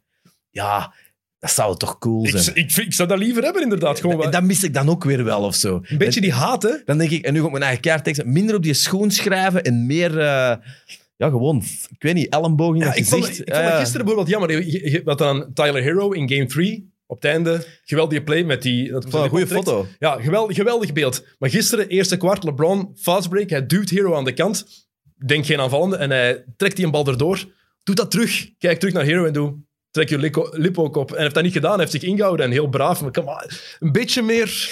Nu, ik denk, ook, beetje meer vijandigheid. Come on. ik denk ook wel, niet onderschatten is, waar zo die gasten de druk dat die onder staan. Ik denk ook wel eh, het aura, het, het aura van onoverwinnelijkheid. En je krijgt voor, niks, voor het minste ook een technische tegenwoordig. Ook niet onbelangrijk. Je moet nog maar schuin kijken naar iemand en het is al... Ja, zwaar. Eh, zeker. En natuurlijk ook, die mannen moeten ook nog wel een wedstrijd spelen. Als je ziet wat Anthony Davis met zijn hoeveel vier fouten of drie fouten in dat was eerste kwart of zo. Ja, die wedstrijd. Allee, Het wa- maar het waren terechte fouten trouwens. Tuurlijk, maar ja, die die kakken. enorm. Dus je wilt, niemand pakt daar een risico. Maar ik, ik denk ook niet dat het, onderschat, want het is zo, in de UFC is er ook een gast. Nou, het is niet een wereldkampioen, maar wel een hele goeie. En die is, ja, die, die heeft een stik. Uh, UFC zijn op een bepaald moment hadden ze heel snel door van, ja, de lonen liggen daar veel lager. Als ik ga doen alsof ik, dat ik een of andere uh, ja, larger-than-life figuur ben. Dat is wat Conor McGregor voor een groot deel Ja. gedaan heeft. Geweldige vechter. Maar dat was ervoor, is dat eigenlijk stilletjes aan begonnen. En is de ene gast, Colby Covington, dat is Ja, de kerel die eh, ja, letterlijk eigenlijk zijn stik is dat hem een rechterhand bijna is van Trump. Je hebt telefoon gekregen tijdens Ja, dat is ook zo. Maar, maar Trump. is ook een vriend van de UFC geweest, hè, van Dana Dana White, White. en zo. Ja, ja. Dus zit, maar als je dan ziet, eh, eh, als je dan, dus hij begint dan ook LeBron constant af te zeiken. Zijn laatste overwinning, pakt gewoon je micro en biedt gewoon LeBron af te zeiken. Dat komt dan natuurlijk wel op dat niveau, is ook ESPN, allemaal komt dan wel terug of zo. En dan zegt hem er eigenlijk zoiets over van, ja, ehm, het zal allemaal wel, maar als mensen naast mij staan, is het vaak ook minder. Nu, dit gezegd zijnde, Colby Covington ramt LeBron James in vijf seconden in één. Ja? Ja, ja. Hoe groot, hoe groot is hij, Covington? Uh, Covington is denk ik een meter tachtig of zo. Bro is 2 en 2 Ja, dat maakt niet uit. dat maakt niet uit. Iedereen, ik heb ooit ook, ik heb vijf jaar Brazilian Jiu-Jitsu gedaan. Een van de dingen dat je hebt met, met, met dingen, met, met gevechtsport, als je dat ooit doet, is nederigheid. Nee, dat duurt, dat duurt echt niet zo lang. Dat gaat, dat gaat pijnlijk zijn. Dat is gewoon, ik ben ook, als, je, als iedereen die ooit gevechtsport gaat doen, er kan iemand komen die de helft van je size is en nu alles waar je goed En in het is echt vechten. Het is niet zoals Dennis Rodman tegen Carl Malone in WWE. Nee, nee, nee. Is- dit is echt, hè? Ja, ja, echt vechten. maar ik vond het wel cool wat het hem zei. En eh, omdat hem het ook niet te hard, eh, te hard zei, maar het gaat meer over inderdaad... Ik denk dat dat wel een imposante vent is om naast te staan. Niet alleen fysiek, maar ook de rust dat daarvan uitgaat. Het, het allemaal gezien hebben. Dus zo'n Tyler Hero, die, die geweldig is, hè, want wat een figuur ook. Gastje is de jongste speler die ooit is mogen starten in de finals. Hè? Die zat, Die- twee jaar geleden zat hij, ze hebben het al duizend keer per uitzending gezegd, maar twee jaar geleden zat hij nog in het middelbaar. Hè? Ja, ja. Twee jaar, die was drie jaar toen LeBron gedraft is. Ja, fantastisch. Hè? maar ik denk ook wel, zo'n kerel is ook special. Hè? Ook Tuurlijk. mentaal gestoord. Maar toch, ik, ik, je kunt zo'n kerel dat ook niet kwalijk nemen als je twintig jaar zit. Ja, af en toe zal die ook wel eens uit die mental, die, dat mentaal krachtveld waar dat je overduidelijk in zit, zal die ook wel eens denken... Ja, op het einde van de dag zit ik hier altijd wel met LeBron James te spelen. Tuurlijk. Ik denk dat, dat, dat je dat zo iemand dat wel moet kunnen vergeven. Ja. yes. Ehm, ik heb die vraag van een paar mensen al eens gekregen. Ehm, ik ben fan van mensen die hun platform gebruiken. Maar Jordan wou dat niet doen. Hij zei, ik wil me focussen op basket. Enkel ballen. Hebben ze heel veel mensen in de jaren negentig gedaan. En ze zeggen ze mij, ja, is dat niet hun goed recht? Moeten die, mogen die niet gewoon, gewoon ervoor kiezen om dat niet te doen? En je hoort heel veel mensen, vooral heel, heel moraalridders, om het dan zo te roepen, in de Amerikaanse pers, zeggen, nee, ehm, dat is uw platform. Je bent zo bekend, dan moet je dat gebruiken. Moet dat? Ik, maar ik, ben, ik vind dat je echt je zin moet doen. Je moet gewoon een, aantal regels hè, waar je niet over mocht, uiteraard. Respect hebben. Respect en zo, allemaal wel, maar ik vind dat je nog altijd je re- je recht mocht hebben om dat te doen. Ik, ik, ik heb Jordan ook nooit kwalijk genomen. Ik vind het alleen raar dat je nu LeBron kwalijk neemt. En dat hij het nog- wel doet. Ja, ik- ik- maar, Maar- nee, ik vind het zeker niet. Waarom nemen ze LeBron dat nu kwalijk? Er is niks... Geconfron- geconfronteerd worden met iets ongemakkelijks is nooit tof, hè? Maakt niet uit wat het is, hè? Gewoon iets ongemakkelijks meemaken en dat ze je met de neus op de feiten duwen, dat is op geen enkel vlak plezant, hè? Dus, en zeker als het dan over zo, zoiets serieus gaat en zoiets delicaat, want het is iets heel, heel delicaat.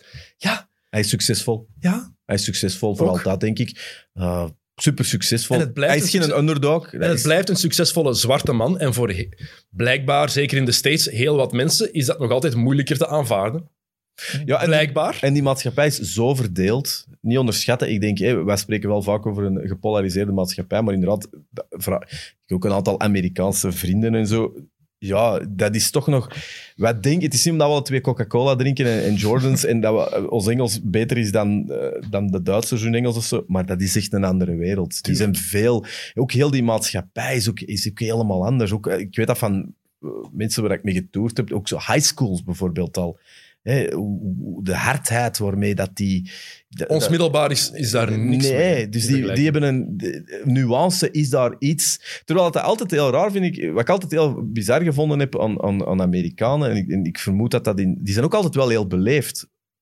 Die zijn super hard voor elkaar, maar die zullen. Ik weet dat als je, zeker als je met Amerikanen samenwerkt of zo, die vinden. Vlaming, ik zal dan over ons spreken of zo, die vinden ons echt gestampte boeren. Hè? Gewoon al op de manier waarop wij iets zeggen. Onze directheid, dat kunnen die niet aan. Maar als het dan gaat over de daden dat ze stellen, ja, dan zijn die soms veel erger. Het is een maatschappij die heel, die heel hard worstelt met, met, met hun eigen vrijheden. En het hangt er nog af van staat tot staat. Hè?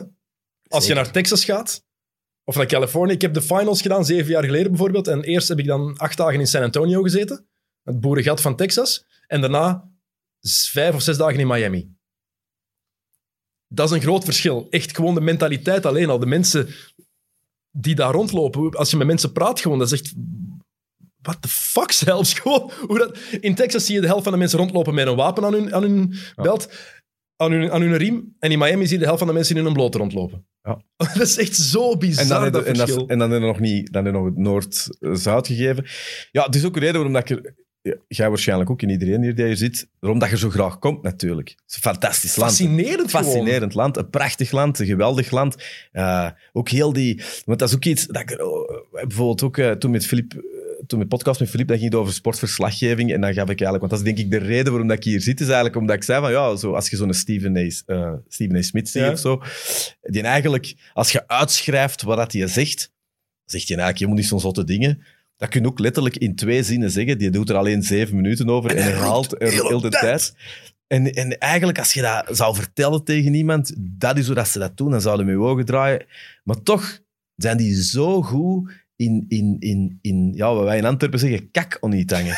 Daar zijn die beter in dan wie ook. Hè. Hoe dat, dat ook eruit ziet, die ESPN, die verslaggeving. Ik bedoel, jij zei iemand, er is een insider. Maar eigenlijk, als je dan gewoon zegt, ik wil, ik wil het NBA leren kennen, tikt gewoon NBA in YouTube Oh. in. En, en, en pak de week verlof. En wat dat je aan analyses, en niet de eerste, de beste. Hè. Je, hebt, hè, je hebt het programma eh, Barkley met, eh met Shaq. Die, wat een knowledge zit daar aan die tafel. In, in een week tijd kan je als complete leek, zonder een match te zien, kan je een complete mening vormen. Ja. Over, ik had dat, met mijn ex-vriendin had ik dat. Ik ben een gigantische Michael Jordan fan. Een vage discussie. eh, Kobe, top 10 of niet, dit en dat. En is het ook even goed als Michael Jordan? Van nee, die is niet even goed als Michael Jordan. En mijn mening daarover heeft hij vaak moeten horen. Nooit een match van Michael Jordan gezien. Nooit een match van Kobe gezien. Op een gegeven moment, ik weet niet wanneer het was, een paar jaar geleden, was het met iemand aan het praten over Kobe. En ik, ik stond in de keuken en ik hoorde in de living een uitleg van 10 minuten doen. Sp- Compleet, echt een mening dat ik van dacht van, Mag ik even vragen? waar haalde dat vandaan? Worden verliefd? Of dachten... Ik, ik was al verliefd toen, hè. Mensen maken fouten in het verleden. Maar, maar gewoon van... Je, hebt- je hebt Jordan nooit zien spelen, geen enkele match. Je hebt misschien een paar highlightjes met mij meegekeken. De het was voor de Last Dance. Kobe ook nooit zien spelen.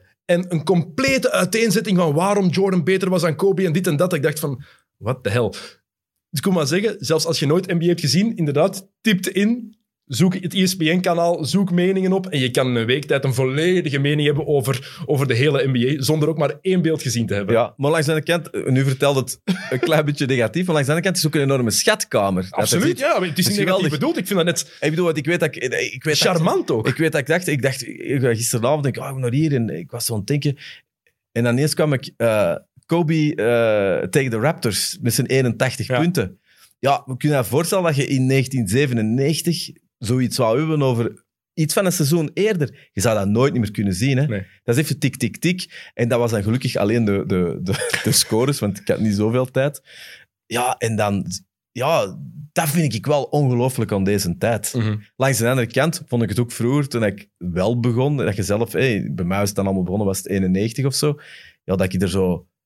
Spo- Sportnet, dat was aan het enige dat dat gaf op tv, en dat je zo'n dag nadien de wedstrijd moest zien.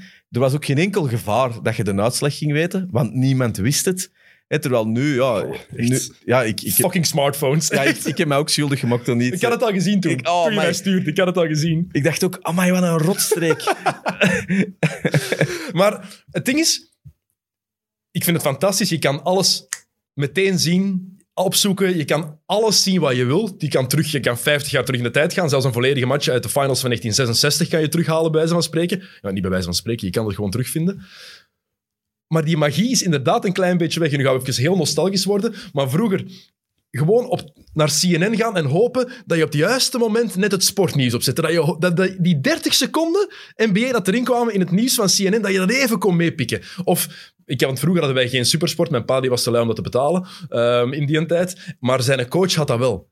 Dus zijn coach nam dan de matchen op van het seizoen, denk 93, 94. En die gaf dan op, op cassette, op VHS, gaf die die tapes aan mijn pa dat ik die matchen kon bekijken. Zo keken wij NBA. En natuurlijk op teleteksten uitslagen zien. Er was geen internet toen, hè, in 94, 95, 96. Het was een compleet andere manier, maar elk klein beeldje van de NBA dat je kon zien, was meteen ah, Ja, en die- super enthousiast en eindelijk, ja, het is hier. En nu, ja, pak je een smartphone en je hebt het. Hè. Ja, ik, ik, ik, dat Het is te gemakkelijk. Het is te gemakkelijk. Nu, dat is wel eigen. Dat is niet alleen in basketbal, dat is met muziek, dat is met alles zo. Langs de andere kant, ik denk dat wij een unieke generatie zijn. Eh, Elke generatie vindt van zichzelf zo uniek, zijn, maar wij zijn het echt. Dat is natuurlijk dat je wel met één been in de oude tijd hebt gestaan. Dat is wel, wel leuk. Nu, uh, ik, wat ik mij nog herinner, dat was ook zoiets, toen ik begon eigenlijk, ik had eigenlijk een beetje geluk.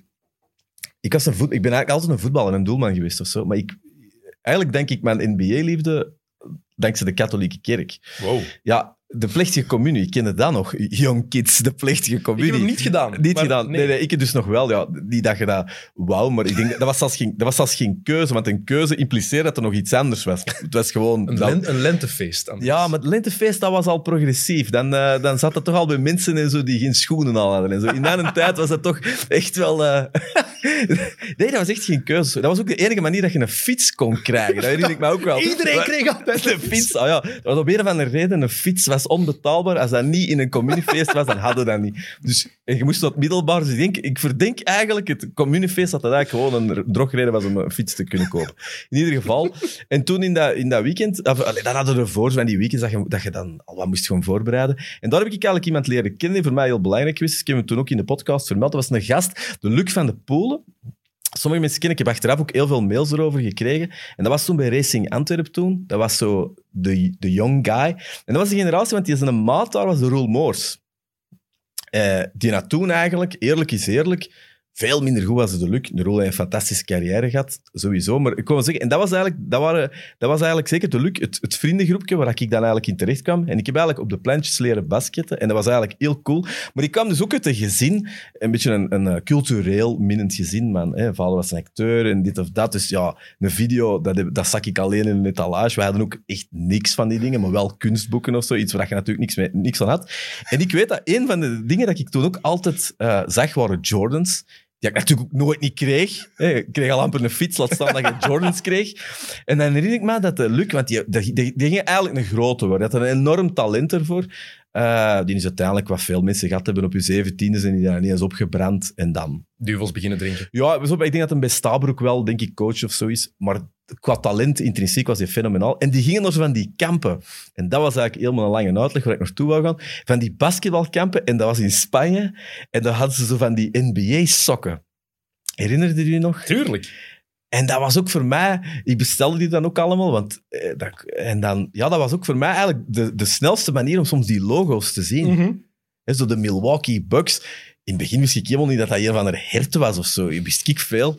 En dan, dan kreeg die sokken en dan zag je dat, dat gewei en zo van die dingen. En dat zijn wel ja, dat zijn magische momenten, omdat dat letterlijk puzzelen was. Hè. Heel uw NBA-ervaring was een beetje dat zien. Wat Ja. jij vertelt, wat teletext, horen op die pleintjes, die verhalen. En samen vormde dat dan Mhm. die magie. Maar dat, die kampen, dat is straf dat je dat zegt, want ineens brengt mij ook herinneringen terug. Ik ben altijd naar het, het kamp van Lucia van Kerschaver gegaan, het Ja. ge- zogenaamde Van Kerskamp. Eh, dat was in, eh, in Tongerlo, het Sportacenter daar. En de eerste keer dat ik gegaan ben, was ik zeven jaar, ik denk 1992. Dus ik net NBA beginnen volgen. Ehm, en ze hadden daar een winkeltje. Dat, is gewoon, dat was een bepaalde uren was het open en waar dan allemaal NBA-merchandise was. En er waren, waren shirts en, en shortjes. En, maar je had toen geen bounceware, je had toen geen NBA-store. De Marino Sport, ik weet niet dat die al bestond in de Handelstraat. Oh, In de Handelstraat in. Antwerpen, dat is de basketwinkel lang geweest. Ehm, in, eh, in België, de Marino Sport. De enige ja, sportwinkel dat er in de buurt daar, daar was, in, in, eh, in Antwerpen-Noord. Maar toen kon dan, dat was echt van, oh, en dan had hij inderdaad ook die NBA-sokken, konden die hoge NBA-sokken, kon, kan je dan, kon je dan kopen en oeh, een truitje van de zo, zo'n vestje. Maar voor de rest, anders zag je dat niet. nee, ik Daardoor, dat maakte dat nog magischer. Ja, ongelooflijk. Ja, en ook, en ook de, de, de, de signature schoenen, zo, zo David Robinson, die had dan zo van die, van die groen-witte Nikes. Die Ewings, Die echt de jongens- Vive Ewing Oh, die, van die lelijke... Ew- Die heel hoge. Ja, inderdaad. Maar dan van die buitenwieperschoenen eigenlijk. van die buffalo's. Ja, ongelooflijk. En dan dat Dreamteam en alles. Ook dat Dreamteam. Dat, dat, dat komt ook natuurlijk heel hard naar Zo is het echt begonnen. Ja, Dreamteam is ongelooflijk. Ook zo, ja, die kleuren, hoe dat, dat, hoe dat, dat klopte. En dat is wel... ehm, ja, een puzzel was dat voor mij. Mm. Samen, samenbrengen. En die complete ervaring. En ik denk dat het nu makkelijker is. En, maar ik vind dat wel, hoe zeg je dat? Geoorloofde nostalgie of zo? Ehm, alle nostalgie is hier geoorloofd. Ik hou van nostalgie. Kijk naar de shirts die hier hangen. Ja, ja. Is er, er is geen enkel shirt dat nu ophangt dat van nu is. Alles is van, vanuit het verleden. Zelfs de Toon Squad hangt hier. Dus Ja. ik, vind, ik vind dat net heerlijk. Ja, de Toon Squad, daar hebben we het straks over over gehad. Zot filmpje, hè? Space Jam, heerlijk. Ja. Echt. Nog eens duidelijk dat Le- nog iets waar LeBron James 100% beter in is dan Michael Jordan acteren. Ja. Echt, Jordan kan echt... Maar over welke films praten we? Trainwreck heeft LeBron niet Nee, meegedaan. nee, maar in het, in het algemeen, we praten niet over Trainwreck. nee. We praten wel over Space Jam, hè? Het zijn geen acteurs natuurlijk. Hè. Ja. Ik ben heel, heel benieuwd naar Space Jam 2. Wat, wat gaan ze doen voor het verhaal? Wat gaan ze doen? Gaan, ze, opnieuw, gaan ze opnieuw die Jerry Krause, eh, Alien Jerry Krause naar beneden laten komen? De- Wat, wat gaat, wat Hoe goed was dat ook? Wat een, wat een, wat een klein scenario. Hey, zo klein. Ja, dat vond ik ook wel heel en toch Bill Murray te pakken krijgen. Ja, ja, tuurlijk. Als je geld geeft, denk ik. eh, en misschien wat season tickets of zo. Maar het is wel zo... de- wat vond ik heel tof van die Last Dance... In hoe groot dat het ook allemaal is, hè, want alles is groot hè, bij Jordan, dat het ook echt wel gaat over de dingen des levens en de kleinmenselijkheid. Hè, Ook zo die... Ja, die... Uiteindelijk is dat nog altijd... Als bijvoorbeeld in de tijd dan als- Isaiah Thomas of zo, die, die, die, die, die beefjes, ja, die, Oh. zijn, die zijn niet anders dan dat die op het pleintje hadden geweest of zo. Haten elkaar nog altijd, hè? Ja. Maar Ja, alles... Trouwens, over de Last Dance, ik weet niet of je dat weet. De laatste interviews, de laatste vier afleveringen, zijn de eerste enige afleveringen waarin Jordan geen whisky en geen sigaar vast heeft. Weet je waarom dat, dat is? Hij mocht niet van de mama. De mama was kwaad op hem. Dus die, die was daarbij, moeder Jordan, is Dolores. En die heeft gewoon gezegd, nee, nee, nee. Michael, dus Jordan is hoe oud is die?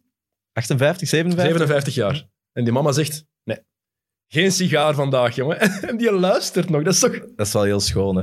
dat is geniaal. Ja, dat wist ik niet. Wat ik wel... eh, Dat is, dat is een minder grappig verhaal, maar een interview dat ik met die regisseur eh, toen gezien heb. En dat vond ik wel straf eigenlijk, dat eh, eigenlijk alle de, de fragmenten, dus de één-op-één interviews, dat is maar drie keer geweest. Dat zijn Ja. drie afspraken. En eigenlijk het moment dat hem eigenlijk breekt, hè, het, eh, aflevering 7 zeker. Ik Dat weet niet wanneer het precies is. Het kan wel zijn, ja. Waarin hij moment- vertelt over de, de mindset, maar niet ja, van denken. Ja, dat eigenlijk het moment hè, Ja. waar dat ze naartoe gaan.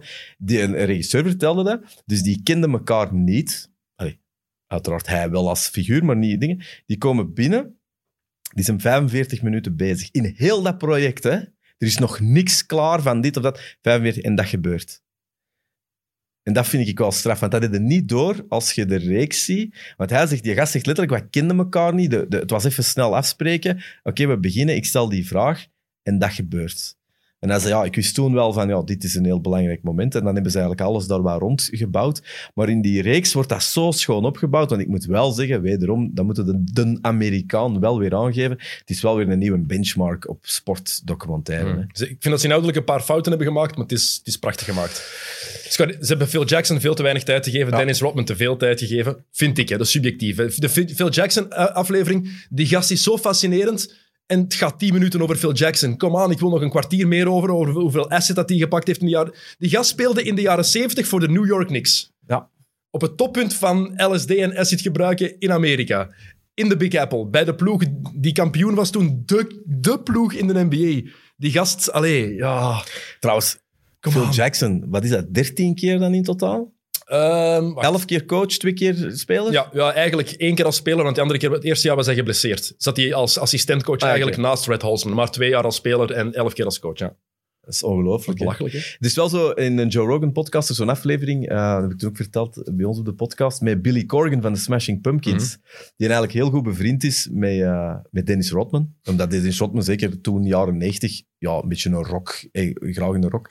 En daar zitten heel goede verhalen bij. Eigenlijk, eh, Billy Corgan van de Smashing Pumpkins, die is een verhaal over Rodman en ook over Phil. Want hij is dus een van die gasten die ook op een bepaald moment midden in de playoffs zeker, is tegen Utah zeker? Mhm, de finals, ja. Ja, dat die, die zit toch even naar Vegas en zo Ah, ja, ja. Corgan was daarbij. Hè? En er is zo één stuk, maar ik kan, ik kan het zelfs niet goed parafraseren, dus je moet het hem eigenlijk zien vertellen. Want hij zegt niet veel, maar dan zegt hem letterlijk dat hij dan zo... eh, ja, hij was al wel bekend, maar natuurlijk in, in een basketbalomgeving ja, is Rodman de man. En hij moest dus altijd mee. Maar hij was echt in de ogen van Jackson de slechte invloed. Hè? Zo de Ah, ja, rockster. tuurlijk, tuurlijk. En hij zegt, en dan zegt hij op een bepaald moment, ja, I don't, tegen Joe Rogan zo, hij zegt hem iets van, ja, I don't know if you ever met Phil Jackson. You've seen him in person, but he's a very intimidating person. En dan beschrijft hem die zo, maar ja, dat is letterlijk, ja, dat is een eh, Ikea-pakskast, hè, die vent. Dat is zo, Die schouders. Ja, dat is echt... En, eh, en dat, dat hem dat dan beschrijft, dat is geniaal, dat hem echt zo moest binnenkomen en dat hem die ook niet durf aankijken, gewoon omdat, ja, je hebt eigenlijk Rodman meege... Dat was ook niet, maar hij kreeg er dan de schuld van. En dat zijn heel goede verhalen over Rodman bij en ook over Phil Jackson. Maar dat zag je ook toen in The Last Dance, toen Seinfeld in de kleedkamer was. Hoe awkward dat, dat moment met Phil Jackson. Fantastisch. Ah, ik- Daar heb ik met Alex lang over gehad, eigenlijk, omdat hij natuurlijk ook eh, comedian is. Daar, als puur psychologie gewijs, is dat een geniale scène, los van al een basket. Dat is echt, ja, dat is alpha-male dingen. Je, ziet, je zit daar echt naar Seinfeld te zien. Seinfeld die eigenlijk overal... Seinfeld, dat is het soort figuur, wat Jordan ook is natuurlijk. Dat zijn mensen eh, die komen ergens binnen en iedereen kent die. Dat zo, ik heb dus een heel interessante documentaire gezien over celebrities. Bijvoorbeeld, je ja, je hebt massa celebrities, maar een echte celebrity is iemand die letterlijk in de Sahara een nomade tegenkomt en dat ze tegen zeggen Indiana Jones. Dat is een celebrity. Hè? Ja, ja, bedoel, dat is niet hetzelfde als ik, ik, ik ben Colin Farrell of zo. Hè? Dat, dat- eh, eh, in eh, Bruges. ja, ja, zo. Geweldige film wel. Eh, het schijnen vreselijk vervelende venten zijn. Ik ken iemand dat hier ooit iets mee meegemaakt. eh, verschrikkelijke gast. Maar goed, los daarvan.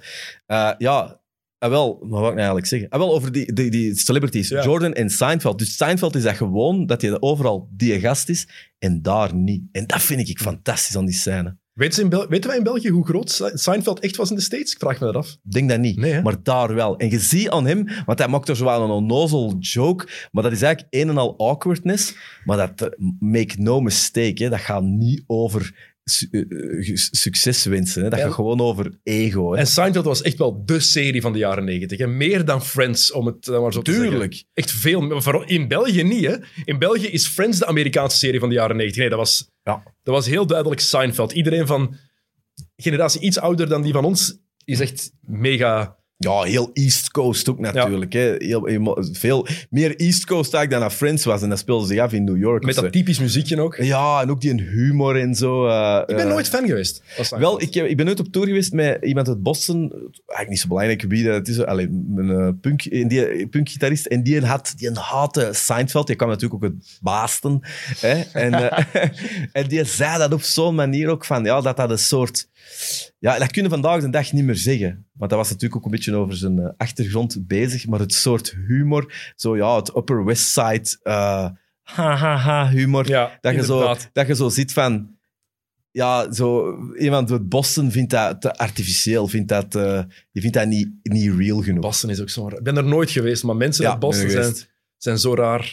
Ja. Blijkbaar is het echt Brits, hoor ik van veel mensen. Als je in Boston komt, voel- voelt het een beetje Engels aan. Klopt dat? Ja, het, wat ik tof vind aan Amerika is dat al die steden heel duidelijk hun eigen persoonlijkheid Mm. hebben. Hè? Heel hard. Eh, ik vond Boston wel heel tof. Wat ik altijd wel heb met Amerikaanse steden, New York, LA, Phoenix zeker, eh, uitgezonderd, is hoe klein dat ze ook maar zijn. Eh, ik heb veel getoerd in Amerika en zo. We hebben straks over The Wire bezig en zo. Ik ben ook in Baltimore geweest. Ik ben ook letterlijk... Ik heb echt moeten spelen achter een hoek waar dat ze The Wire hebben opgenomen. Ja, ehm, dat is een stadje van... Ja, allez, er zal wel iemand eh, een comment zetten dat ik fout zit, maar dat is een stad van drie, Er wordt niet 400 gecomment op de XNO's podcast. 300 geen zorgen. 300 dus 300.000 inwoners of zo, bijvoorbeeld. Mhm. Boston, 600, 700. Ah, Dat zijn geen... eh, De metropool... Wij zien altijd die foto's van die skylines en zo. Dus dat is ook allemaal wel eh, gemoedelijker dan dat dat lijkt. L.A. uitgezonderd Ja, natuurlijk. Maar dat Bij- vond ik... bijna, bij- bijna bij elke stad is dat zo. Hè. Antwerpen, wij komen allebei van de stad. Antwerpen is een scheet groot. Hè. Ja. Ik woon in Borgerhout. Ik ben drie kwartier stappen en ik ben, op de- ik ben helemaal op het einde van het zuid. Drie kwartier, van Borgerhout naar het zuid. Ja, dat is niks, in hè. L.A. Ja. Nee, dat- ja, in, in L.A. moet je niks te voet proberen. Hè. Nee. Met een auto eigenlijk ook niet. Om maar- meerdere redenen. Maar Eh, ja, om meerdere redenen. Nee, dat is waar. Dat is waar. Zeker, zeker, zeker. zeker. Maar, maar dat, viel, bijvoorbeeld, dat viel- me ook op. eh, ook zo van die dingen. En Chicago is natuurlijk ook eh, een... dat je inderdaad... Ik, er was inderdaad een, een, een documentaire dat ik gezien heb over Alex Caruso. Zoiets heel kort eigenlijk. Omdat ik dat wel een grappige figuur vind. Allee, ik vind dat zo... Is ook een reden waarom dat hem... Dat is Elmer Fudd. Ja. ja. Space Jam is echt Ja, Elmer ja, Fudd. Zwaar. Zwaar. Maar ik heb daar wel sympathie voor. Je kunt er moeilijk geen sympathie voor hebben. En dan zie je dat. En dan is zo één scène dat hem dan zo... Want ik denk dat hem van Texas komt of zo, denk ik. Geen idee. Hij komt zo van het zuiden. En dan loopt hem daar zo... Ja, ik weet niet, een 7-Eleven of een Taco Bell binnen. Het doet er niet toe dat hem binnenloopt. En dan zeg ik ook, ja, ik kan er ook gewoon rondlopen. Ja, ik- En, en dan doet er zo iemand de deur open en die komt er zo bij en zegt, aren't you in the NBA? Maar dat is ook zo dat je zegt, ja, die gast is... Ik weet niet hoe groot dat Alex Caruso is, maar Zoiets als mij, denk ik. 1,96, 1,98. ja, maar in ieder geval, ge- als je een vermoeden hebt, dan helpt het ook wel dat iemand een meter 6,97 is. Ik heb met Thomas van de Spiegel in San Francisco rondgelopen en in Cleveland. Ja. Die is heel groot, Die hè? is, die is 2,14. Maar, allee, hoeveel keer dat die is aangesproken. You play basketball? Which team? Ja, en aan tijd was, zeiden we ook gewoon van, ja, he's he's got a game tonight. It's game for the finals. En aan tijd wordt, denk ik ook van, ja, gast. Hoe goed was die eigenlijk? Thomas, Ja. meest succesvolle Belgische basketter ooit. Is, Qua- die- is dat... Is dat Het is niet per se de beste, hè? Meest succesvolle. ah ja. Was dat succesvoller dan Strulens? Tu- Ja, tuurlijk. Stru- Ik weet, Strulens heeft nooit iets gewonnen in het buitenland. Echt, Hij Ja. heeft misschien titels gewonnen. Eh, Hij heeft bij Real Madrid gespeeld. En. Benga. Zeg ik hier... eh, is, het, is het voorbij nu, de podcast, of niet? Ja, nee, moet, maar het gaat over spelen. Het gaat over spelen, hè. Het gaat niet over, de, het gaat niet over het bank zitten, hè. Ja, we moeten wel... Sa- Sam Kerkhoffs van de Mid-Mid-podcast zit hier naast ons, voor de mensen die zijn stem van ver zouden horen. Benga sowieso twee dingen. En Benga heeft twee titels gewonnen, maar Benga speelde niet. En Benga was echt de... Allee, jong, de. Congo Cash. De Congo. Cash. Echt.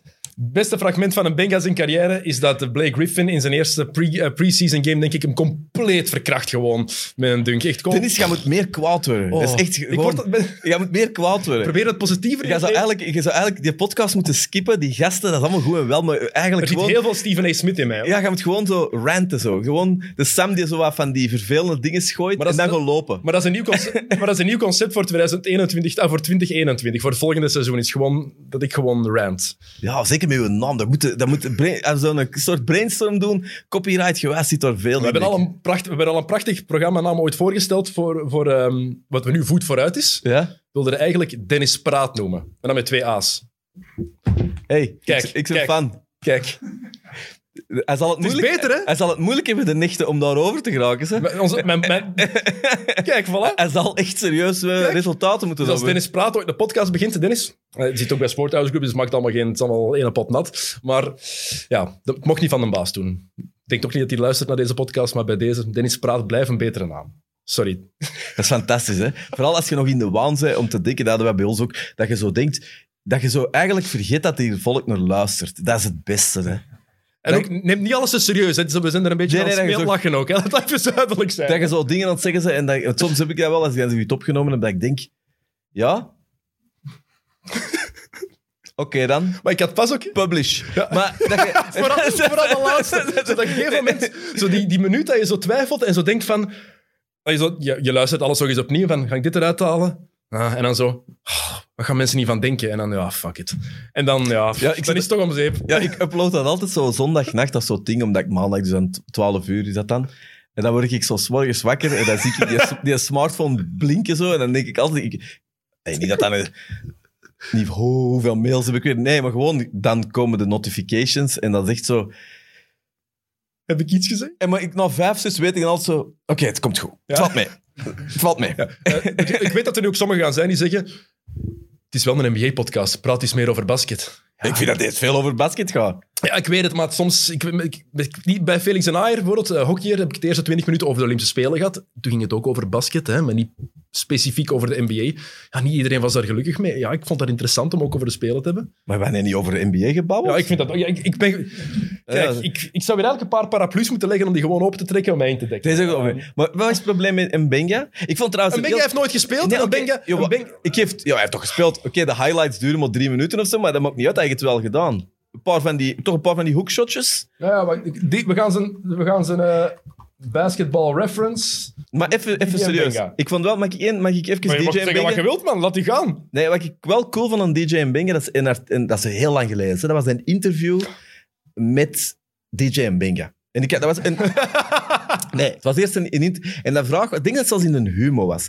En het ging eigenlijk over Strules, die ooit... Strules speelde toen Spanje? Spanje Hij waarschijnlijk? heeft bij Real, bij Real Madrid gespeeld, bij PSG gespeeld. Maar ja, de PSG was het zeker niet, want dat, dat komt Maar trouwens in de laatste kan je Het was in Spanje, hè. In ieder geval, hij was goed bezig. Hè, want hij was denk ik op dat moment wel de eerste... Qua talent is een van de beste die er ooit De- geweest is. Ja. Zeker de eerste In België. die in het buitenland, of zeker daar. En hij zegt op een bepaald moment over Mbenga, zegt hem...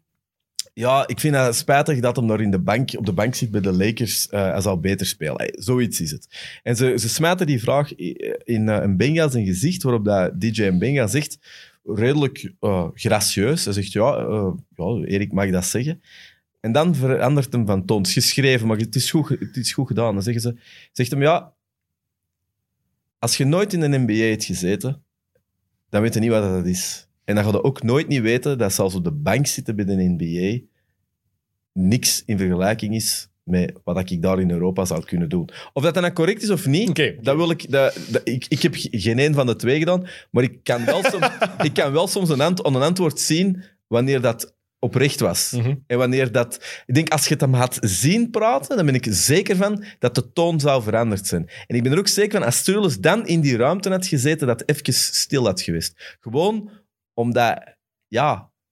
Ik heb voor één keer spijt dat Thomas niet in die andere zetel zit, Thomas van de Spiegel. Want die zou je echt afgeslacht hebben, nu, denk ik. Is- Echt? Of Sam van Rossum, die vindt dat ook niet, niet helemaal Ja, maar waar. ik, heb, ik ben niet aan het zeggen, hè. Ik, Nee, ik ben aan, letterlijk aan het zeg zeggen wat er in de ik zeg humor... gewoon- Zeg kwaad op de humor, want dat is niemand. Altijd de schuld van de humor. Eh, Didi Mbenga. 234 matchen gespeeld in de, de NBA. Gemiddeld Ga gewoon eens naar dat salaris, dat is veel interessanter. 1,8 punten, 1,5 rebounds en 0,2 assists. Dennis, moet je nog werken eigenlijk, DJ Mbinge? Ik weet het niet, die is een tijd vermist geweest, hè? weet je dat? Nee. Blijkbaar is hij volgens de, de Urban Legends is hij een tijd gewoon vermist geweest. Dat in een half jaar niemand wist waar dat hij zat. Dat klinkt als een goed verhaal. Ja, maar het klinkt ook heel geloofwaardig. Ik geloof dat ook helemaal. Als je zo het verleden van DJ Mbenge zo'n beetje weet dat hij in elkaar zit, dan denk je van ja, dat, dat, dat zou nu eens perfect kunnen. Hè? Maar ik zou- wat is eigenlijk de reden dat je daar terecht gekomen is? dat puur op fysieke, Ja, puur op genetische... fysiek. Heel eerlijk zijn, puur op fysiek. Maar Dat een is één gewoon- tegen één van, de, tegen Van der Spiegel. Eén tegen één. Van een spiegel kon basketten. Ja, ja, dat Ja, kan maar, dat is, allemaal maar goed dat is zijn. het ding. Dat kan- Wat is de maar uitslag? op kracht, ja, Waar denk- zou de geld op zelfs zetten? Thomas, Thomas op zijn best hij had niet de kracht, denk ik, denk ik om, van, om, om een Benga tegen te houden. Puur fysiek. DJ Benga was... Wat, kijk, we gaan erbij al... eh, hoeveel staan ze? 214, 213. Zoiets. Ja, het zal ongeveer iets kleiner als Thomas, dan Thomas, Maar, Thomas, veel Thomas, sterker. Thomas is, is minder... eh Minder gezet. allee, ik zou er- finesse. Ik zou er ook een klop van willen krijgen, maar ik wil zeggen, die is minder... Die is minder er hangt minder dat moet van vlees. ver komen. Je kan, je kan snel gaan lopen. Ja, een grote, grote vent. Ja. Maar- wel een rare vent. En, en Thomas was ook Thomas was een roleplayer. Thomas had, had, zijn, had zijn rol in een ploeg, was defensief belangrijk. Protector of the paint, met die lange armen logisch. Screen zetten naar de basket rollen. Hoekshotje hier, hoekshotje daar, bal er doortrekken. Een vraagje. Stel, dat, dat kan niet, hè? Stel, maar je zet die op een bepaald moment, niet nu, maar in zijn prime, en je zet zo iemand ineens op die bank. Ehm, jij zegt, Wacht, ik zal het zo gewoon- zo, hey, Dwight Howard, Dwight Howard is even de Nee, ik zal zo zeggen. Jij moet even vijf minuten volhouden. Ja. En niemand weet, het is puur hypothetisch, en niemand weet dat dat niet klopt. Houdt je stand? Absoluut, ik wou net zeggen, als, Ja. als Thomas en Didier, en Didier samen op de bank zitten bij Phil Jackson, Thomas, het is niet DJ die van de bank gaat komen. Hè? Dan, pak je, dan zet je Thomas op het veld. Ja. En dat is niet omdat ik er goed mee overeenkom, dat, dat is niet om te slijmen, maar Nee, nee, ik- veel hoger basketbal-IQ, wist waar hij moest staan, wist veel beter, beter waar hij moest doen. Een Benga, het is, een prutser was het ook niet, anders geraakte hij niet in de NBA. Hè? Maar het was wel vooral door zijn fysieke kwaliteiten. Dat is zo... Practice, Maar ze, noemen dat, hij- ze noemen dat practice meet. Is hij niet meer als dat? Ik vraag het gewoon, hè. Nee. Nee, vraag eigen- het- eigenlijk niet. Ik, ik dacht altijd dat zo het soort gast was dat je, dat je niet... Je kunt inderdaad niet minuten op het veld zetten, maar stel je, dat dat zo'n gast is die even vervelend toe door wat, wat volk moe Anders heb, je, anders heb je, ik ben aan het kijken, het meeste aantal minuten in één seizoen, gemiddeld 8,1. En dat was het seizoen dat hij voor een ploeg 16 matchen heeft gespeeld. Nee. Nee. Was dat dan een mascotte meer? Ja, ja, ja, ja, eigenlijk wel. Eigenlijk wel. Dat durf ik dan niet tegen zeggen. ik ook niet. Ja, Kom, dat is een, hier- kom, dat zit hier toch niet naar. Dat is een fout dat je niet mocht maken, hè. ik heb ook al gedacht, Maar- je luistert hier nooit naar. Friend request. Delete, delete, Echt delete. gebeurd. Ik zal straks achteraf zeggen wie dat is. Nu niet zeggen. Nee, maar ik, weet, ik ga misschien een beetje kort door de bocht. Maar dat is ook niet beledigend Nee, maar één tegen één, er is niet op geantwoord. Eén tegen één, wie wint dat? Thomas tegen, tegen Didier. Eén tegen één. Old school, plantje. Uh, tunnelplan. Tunnelplan, waar dat een bij Steveniers hebben. aan, eh, op- Winnersbal of losersbal? Ja, maar dat is belangrijk. Als je scoort, krijg je een bal terug of niet? Ga mag de regels kiezen. Thomas wint. ik denk, dat is een betere Ik basket. weet, niet dat deze micro, ik weet niet dat deze micro dat heeft opgevangen, maar het zijn dynamische micro's. Dus, eh, Ik denk, ja, ik intrins- intrinsiek meer talent. ja. Ja. ik, ik vind dat... eh, ik ik vind, Maar dat, ik ik vind dat wel maar ik interessant. denk bijvoorbeeld ook, op hun best, 1 tegen 1, Rick Samai tegen Thomas van den Spiegel wint Rick Samai. En hij heeft nooit in het buitenland gespeeld.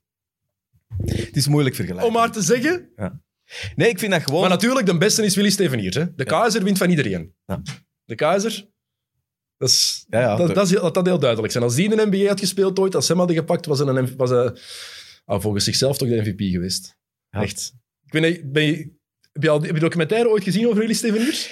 Nee. Leender Terk heeft die gemaakt, heeft er ook al gezeten met Frank Raas. En, oh, echt, die gast Ja, dat Frank Raas is dan een enorme... goud ja. waard, Willy Ja. Steveniers. Echt, dat is Ja, zo ik goed. denk dat de Roel Moors ook getraind is door de Steveniers, denk ik. Of in ieder geval privé Ja, absoluut. gehad. denk Absoluut. ik. Ja? Ja. Willy Steveniers, echt geweldig. Ja, ik weet dat ik eh, heel raar in mijn muziek. eh, ik, heb, eh, ik heb een aantal platen uitgebracht bij Sony. En mijn ENR-vrouw, promo, eh, Carla Doms, fantastische vrouw, die is samen met een, eh, met een Etienne Geert. En een Etienne Geert is een Red Lion, toen had dat nog niet Red Lion, dat is de generatie voor... Belgian Line, de Red Lines. Eh, sorry, Belgian Lions, mijn Ja, ja. excuus. Mijn dochter speelt hockey, nou, dus Ja, hoe ver is het kunnen komen? Maar, eh, eh, ehm. Elitair geworden. Ja, ja, we speelt in de... Hockey blijft elite. Sorry, het is hockey. Anyway. En die, dat waren toffe gesprekken, omdat het eigenlijk ging over de generatie. Die was net eh, oud toen Samai jong was. Die hebben denk ik nog Mhm. net samengespeeld, maar heeft dan wel de nationale ploeg gespeeld. En die hebben mij inderdaad wel een aantal dingen erover verteld, maar ook vooral hoe dat, dat toen was. En dat vond ik wel... eh, je weet dat wel, dat dat toen eigenlijk semi-amateurs waren. Ja, het is zo. Want die gast die zat letterlijk in de platenindustrie om voor een deel van zijn geld te verdienen.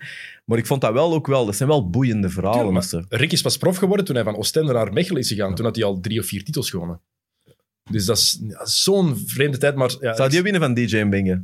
DJ Mbenga, die, DJ Mbenga, wel. die, die gaat na twee minuten draait, die, gaat hij gaat hij naar huis, denk ik. Rick was zo goed. Echt. Maar wat ik wel eens zou willen weten, wat ik altijd fascinerend vind, ik heb dat met, met, met alles wat dat je doet bijvoorbeeld, alles wat dat je fan van bent, zeker als je het zelf doet, op uiteraard een veel ander niveau, is de kracht. Wat is dat, wat, hoe, hoe voelt dat als je, ja, sowieso eh, de size difference, maar stel je zit samen onder een ring met DJ en wel, ik- ik en zal- die ik zet ze na- die zet persoonlijk- je gaat alle twee, we hebben niet, maar stel dat je, wat is het verschil als die alle twee naar de ring gaan? Ik, ik heb een of andere reden heb ik een gevoel dat door in zo'n Amerikaans trainingsschema schema te Mhm. zitten, eh, zelf heel de tijd te moeten werken met dat soort volk, dat, dat, dat daar ineens een soort sprong wordt gemaakt. Maar dat is ook zo. Dat die ineens, als je bijvoorbeeld alleen al boxing out doet, dat, dat Mogen ook niet vergeten, het is wordt doorgetrokken in de NBA en ik weet niet hoe, maar hoe het of het nog altijd zo zit, maar je hebt daar drie dopingcontroles op een jaar. Hè? Of vier. Dat is niet veel, hè? Na de vierde weten, er komt er geen meer. Ja.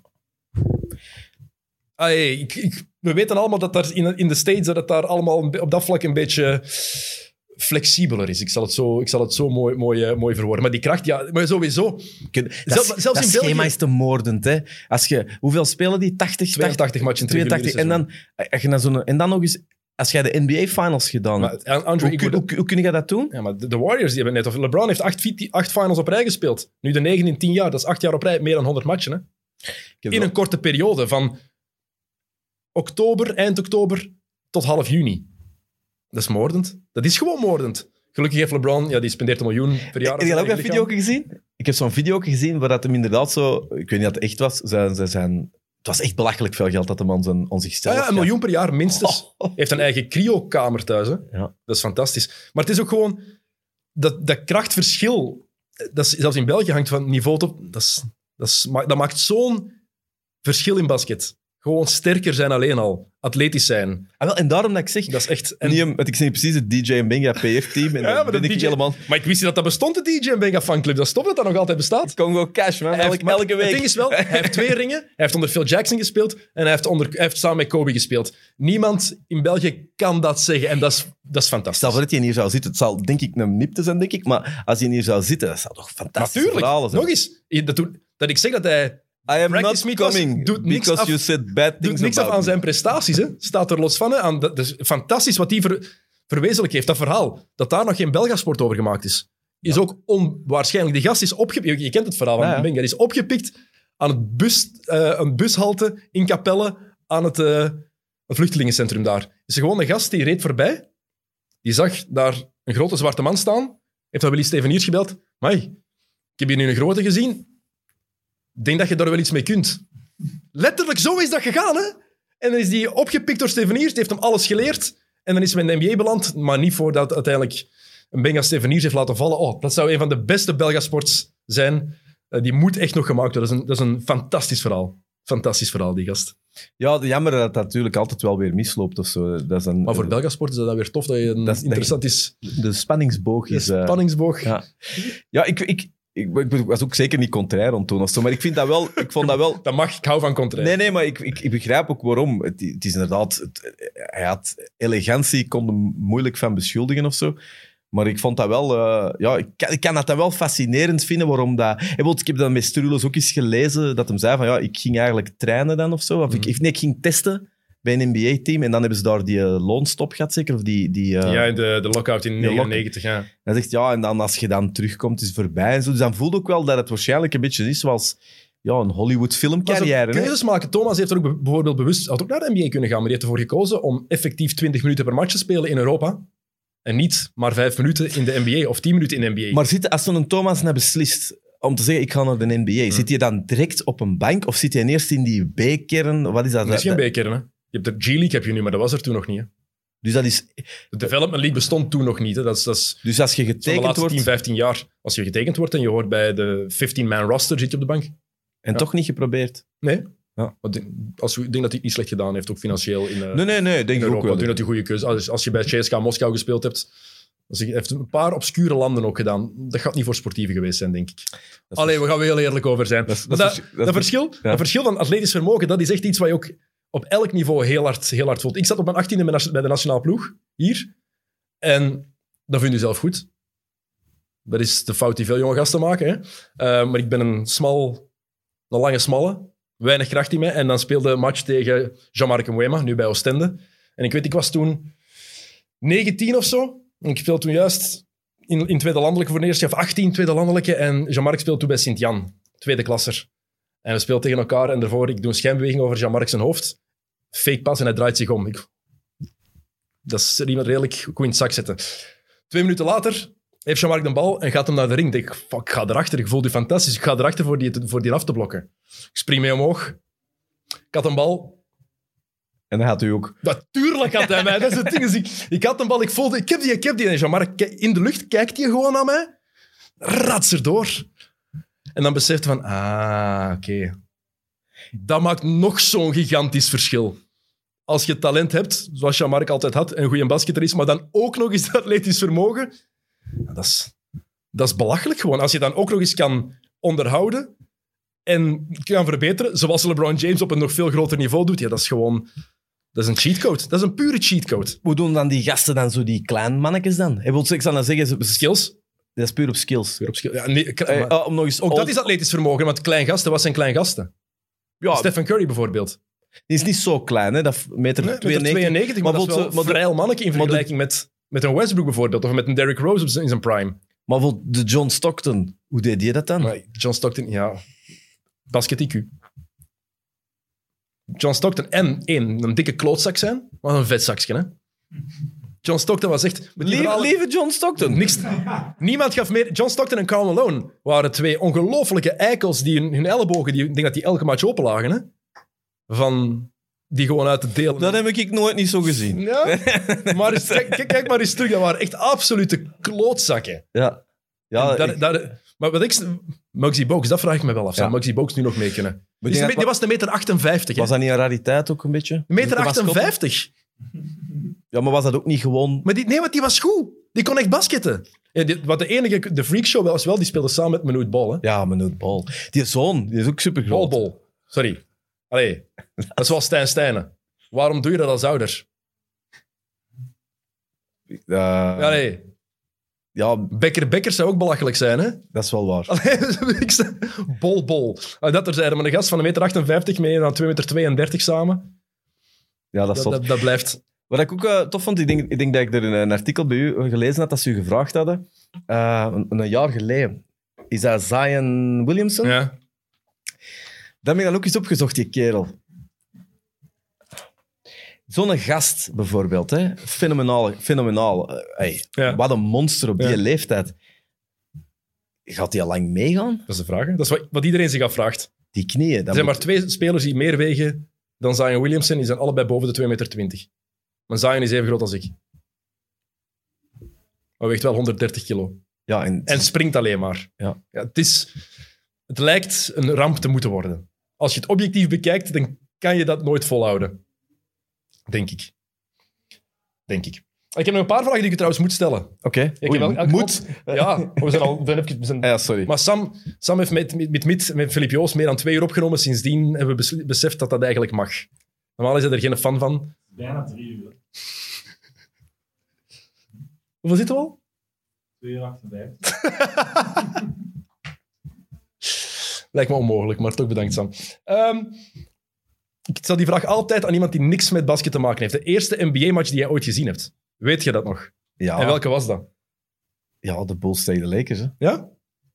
Dat ik echt bewust Mhm. van weet, ja.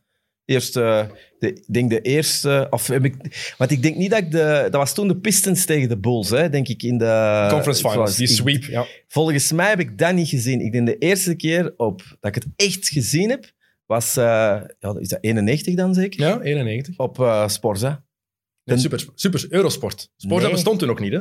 Sorry, Sportnet. Ik- Sportnet, oké. Eurosport bestond al heel lang en dat is heel even, vraag me niet waarom, dat zullen tv-mensen weten, is dat even Sportnet geweest. Oké. Ik denk dat dat een, is dat een experiment geweest, maar dat was wel, I don't care, maar dat je wel toen heel de finale eh, uitgezonden toen. Dat is even geweest toen. En dat is de eerste keer. En ik herinner me aan zo'n aantal dingen, dat- want ik heb het eigenlijk nooit niet meer teruggezien, tot dan. De Last Dance komen er stukken in. En er zijn zo'n aantal dingen die me zijn bijgebleven. Want ik denk ook wel dat daar de beroemde move ook in komt. Hè, dat hem eigenlijk...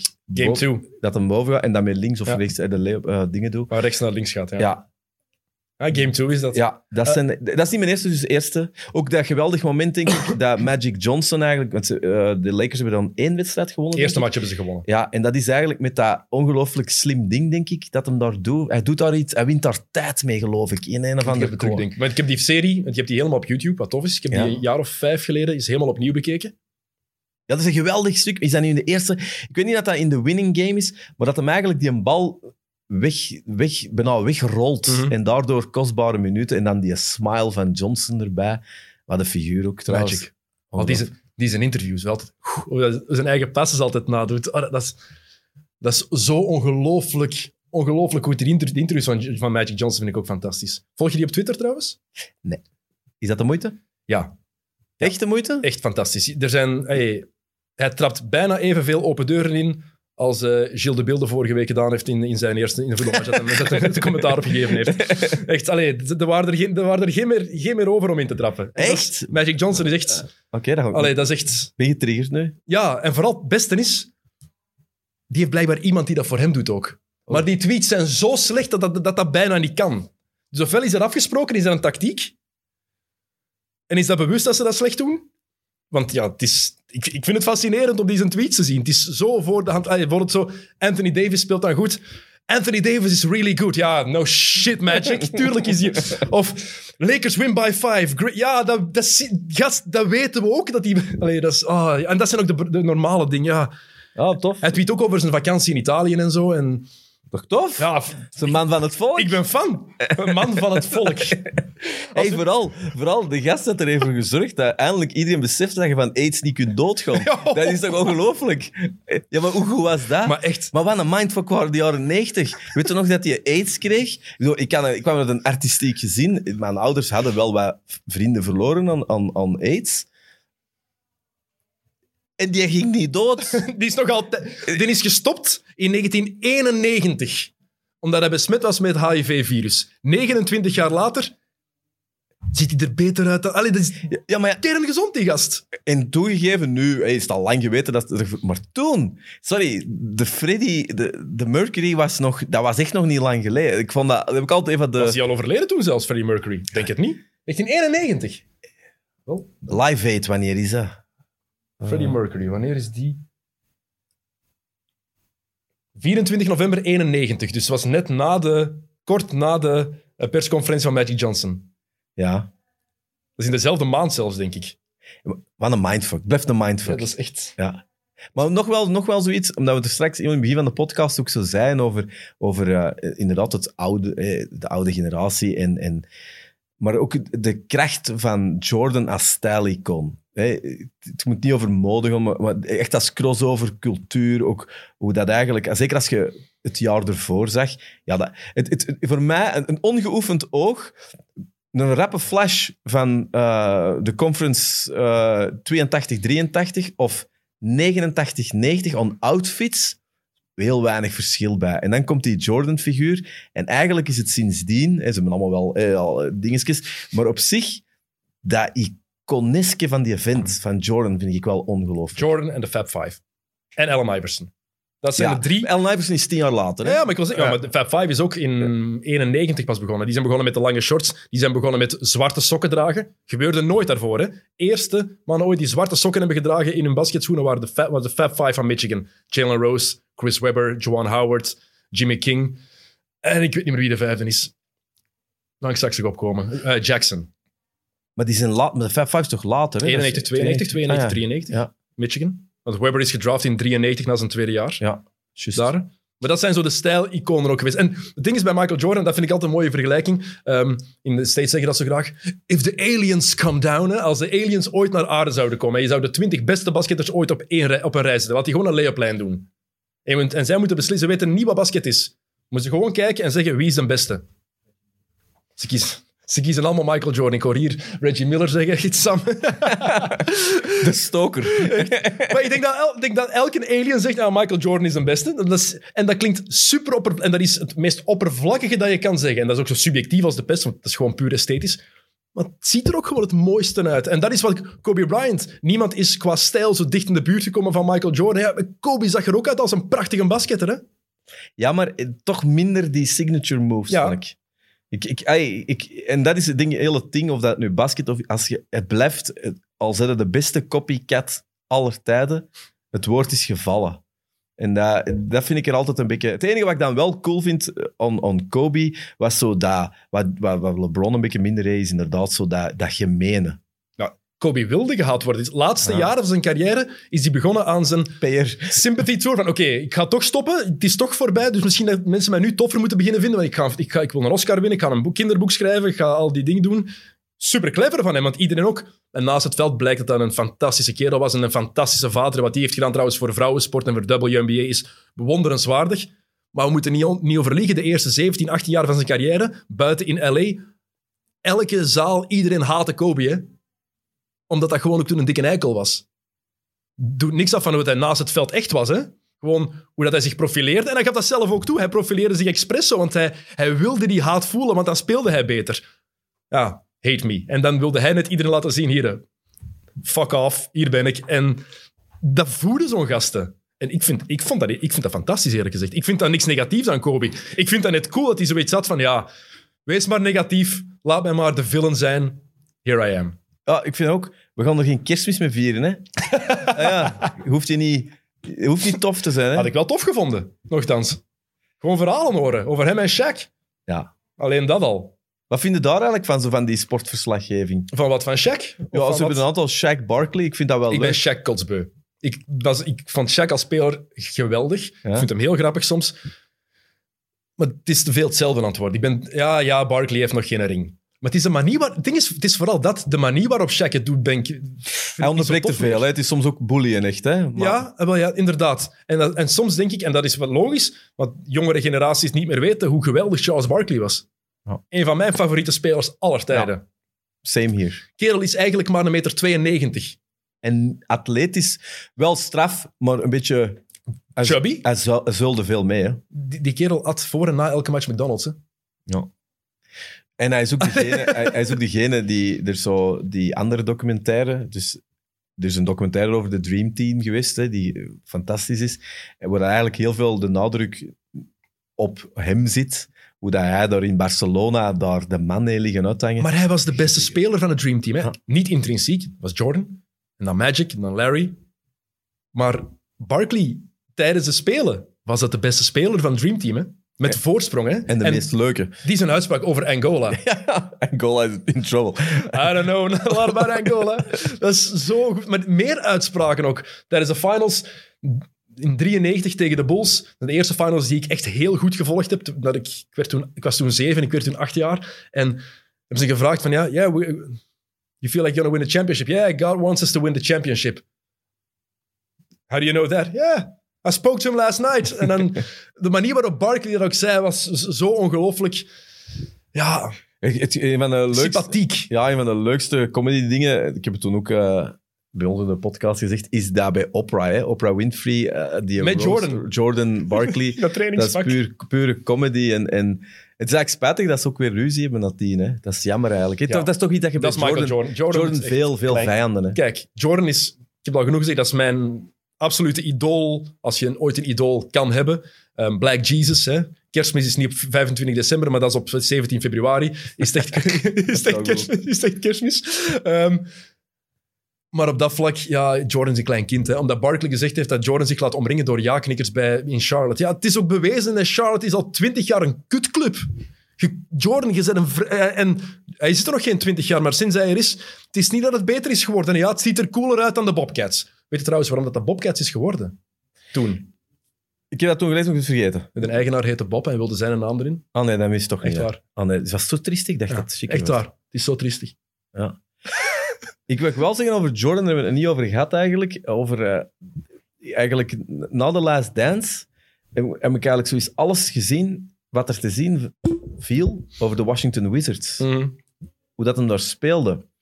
En ik vond, wel, ehm, ik vond het wel heel fascinerend om te zien hoe dat hem eigenlijk nog altijd dezelfde is, maar ja, er is, het lichaam is niet meer hetzelfde. maar we vergeten ook vaak, iedereen zegt, ah, ga je dat vergeten van Washington? Eén, ik, voor mij telt dat niet gewoon dat beu, maar hij was 39 en 40 jaar, hè. Hij was, Maar, maar hij was swag- geen 36, hè. 39 en 40. Ja, ja en, en, en na al die jaren wat hem al gedaan Ook had. al. En, die, en ik denk ook zo dat, dat, dat tussenstopje dat hem daar gedaan heeft, zal ook niet geholpen hebben. Hij is, hij is er nou wel terug. Hij gaat niet aan zijn lichaam zijn blijven werken, hè. Nee, nee, nee.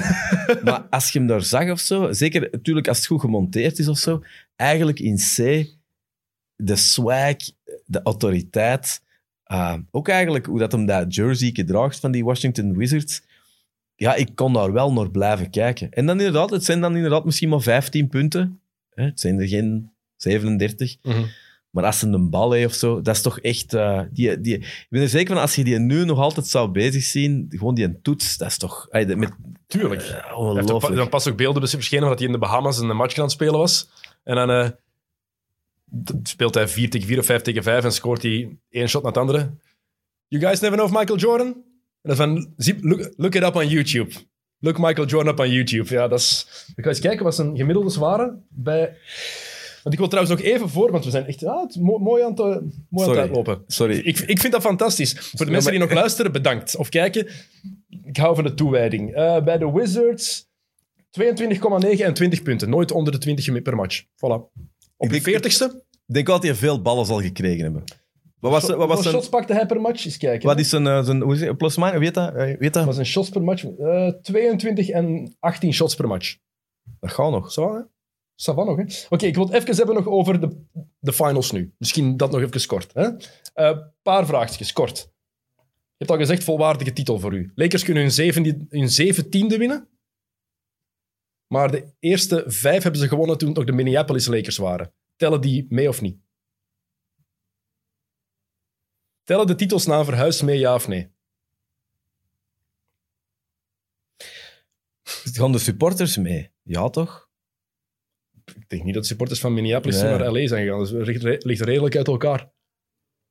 Wat, moeten ze die meetellen of niet? Ja, heel simpel. Dat Ik heb, betekent er, ook, ik heb er nog nooit niet over dat de nagedacht. titel van- Ik ben nu, ik ben nu echt hard op ontdekt. betekent ook dat de titel van Seattle in 79, dat OKC die ook mag claimen. bijvoorbeeld. Het enige jammer is natuurlijk, als je ze niet meepakt, dan zijn ze weg. Ja, dan zijn ze gewoon voor een andere ploeg. Een Ja, maar- franchise die ooit Maar de die, Lakers maar die gaan nooit aandacht krijgen. Nee, tuurlijk. Ja. En dan is gewoon Hoeveel titels uit de jaren 50 krijgen nog wel aandacht? true. maar ik, als ik het... Ik, ik, en- enerzijds zeg ik, ja, eigenlijk moeten ze niet meepakken, want ze hebben er niks mee te maken. Aan de andere kant, dan zijn ze verloren. Dan gaan ze in een zwart gat. En dat is dan ook jammer, want de wedstrijden op zich, daar is ook gespeeld. Mhm. Ja, ik, ik, ik, ik, heb er, ik ga eerlijk zijn, ik heb er totaal geen mening over. Voor mij mogen ze drie tellen. Zeker, het zijn de, Lakers gebleven. Bij OKC denk ik, ja, jullie hebben echt alles veranderd. En de Sonics waren zo iconisch voor mij. Ja, een van de coolste shirts dat er ooit gemaakt zijn. Hè? Ik vind dat echt ik vind dat zo'n fantastisch shirt Ja. dat van die Sonics. Ehm, deze NBA Finals, Game 4. Vrijdag, want we hebben, ze hebben twee dagen rust. Dus Bam Adebayo gaat een Game dag extra kunnen Game rusten. five. Game 5, sorry, Game Ja. 5. Een dag extra kunnen rusten. Misschien Dragic heeft geprobeerd gisteren, maar te veel pijn. Mooi dat hij het geprobeerd heeft. Trouwens, heel veel medelijden mee. Hij zei het zelf ook van, ik heb al vaak gevraagd, waarom nu? Waarom? Net op dit moment, mooiste moment van zijn carrière. Ehm, krijgen we een Game 6 of niet? Nee. Is het gedaan? denk het wel. Eh, eh, om, net, net omdat... eh, ik denk dat Jimmy Butler zijn, zijn Tour de Force... Hoe zeg je dat? Mhm. Ik denk dat dat eigenlijk pijnlijk heeft duidelijk gemaakt dat ze hier niet van kunnen winnen. Maar dat is het ding, je wist ook bij Miami, ze mochten niemand verliezen. Hè? Ze mochten hun zes belangrijkste spelers, Butler, Bam, Dragic, Crowder, Hero, Robinson en Iguodala, die zeven, daar mocht niemand van wegvallen. Vanaf dat er één wegviel, wist je, het is gedaan. Dat, dat, mocht, dat mocht gewoon niet gebeuren. Ik heb eigenlijk al respect dat ze afgelopen nacht ook weer zo goed gespeeld hebben. Zeker met Bam, die eigenlijk maar met één arm aan het spelen was. Ja, nee, goed begonnen, hè. Mhm. Ja, ik, vind de, ik vind de Lakers wel niet dominant genoeg of zo. Maar, maar Maar, dat is ook, maar omdat het ook ergens niet moet misschien. ja, ik, ik- ik, vind gewoon eh, heel hard die, de, de, de, die others, hè. Mhm. Die others vind ik... eh steekt van die figuren bij waarvan dat ik denk, ja... eh, ik snap nu ook wel... Nu snapte ook echt heel hard dat het zonder AD niks was, hè. Dankjewel. Je snapt zonder AD geen schijn van kans, hè. Nee, voilà. Hal- en dat vind ik dan... Die ploeg, die ploeg is ook, en dat is ook waar ik vaker probeer te zeggen, waar ik, ik denk van de Lakers-fans horen dat niet graag, maar die ploeg is in, zijn, al- in zijn- de breedte niet goed genoeg. Maar dat zegt net meer, en is nog een groter compliment voor de greatness van LeBron en AD.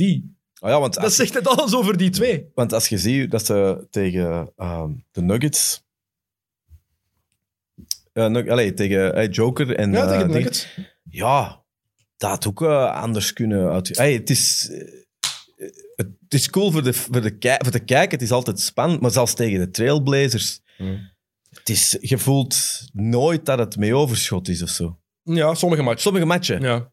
Maar het ding is, het moet ook niet, dat is het ding. hè. En, maar het is ook het mooiste. Eigenlijk is het wel heel passend. Hè? De, het, de verhaallijn, 2020, Kobe overleden. We hebben dan heel die onnoos- voosvirus, wat alles in de war brengt. En dan de Lakers die toch dat mooi afmaken. LeBron zijn vierde titel. Het, is, het verhaaltje is, het is prachtig voor Amerika. Bold statement. Hoe blij mag de NBA zijn dat The Last Dance is uitgekomen? Mhm. Maar echt serieus, hoeveel... Aan, u, aan uzelf kende een helft van de wereld, hè? Dus dat is eenmaal zo. Ja, ik heb het ook... Ik volgde het. Ik volgde het net iets harder nadien. Ja, ja. Ik heb gisteren nog over... Want jij bent eigenlijk geen goed voorbeeld. En ik bedoel dat met het grootste, compliment. Ja, ik dat is uw werk. Het is uw werk hier. Je wordt hiervoor betaald. Je ziet- Hoe was het? ik, daarom, daarom dat ik hier met een pin zit. Ja. Hey, ik zie alleen maar echt een merken. Jupiler Shop. Het gaat goed hier. Dat is goed. Dat is Vla- Flanders Classics, hè? Ja, Vla- we krijgen gewoon dat, drie, Ah, is drinken dat we binnenkrijgen van Flanders Classics. Dat is al die, al die crossen die afgelast worden. Echt? Nee, joh. nee. Dat had wel een goed verhaal geweest. Ja, het was, Ik ben teleurgesteld. nee. Maar denk, we waren gisteren over bezig. Met een paar maat van mij. Van, wat is er nu goed geweest in 2020? En dan denk ik van, ja... Mijn, twee van mijn beste maten zijn allebei vader geworden. Ik heb Tiger King gezien en The Last Dance. Nog een bal. Dat is het. Hoe, hoe kut moet dat zijn als je de marketing manager van Tiger King wordt en alles liep gesmeerd? Je hebt daar een B-reeks gemaakt en heel de wereld is aan het kijken en ineens komt The Last Dance. En iedereen zit er zo, Tiger King, wat was dat nou weer? Fucking Carol Baskin. Ja, man, het is moeilijk, hè?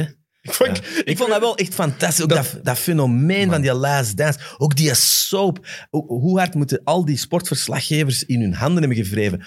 Morgen is het een aflevering. Maar Kunnen we er al één zien? Maar voor mensen die het Amerikaanse sportsysteem niet snappen en niet weten wat een best of seven is, moeten veel uitleggen. En ik heb dat bij sommige mensen moeten doen.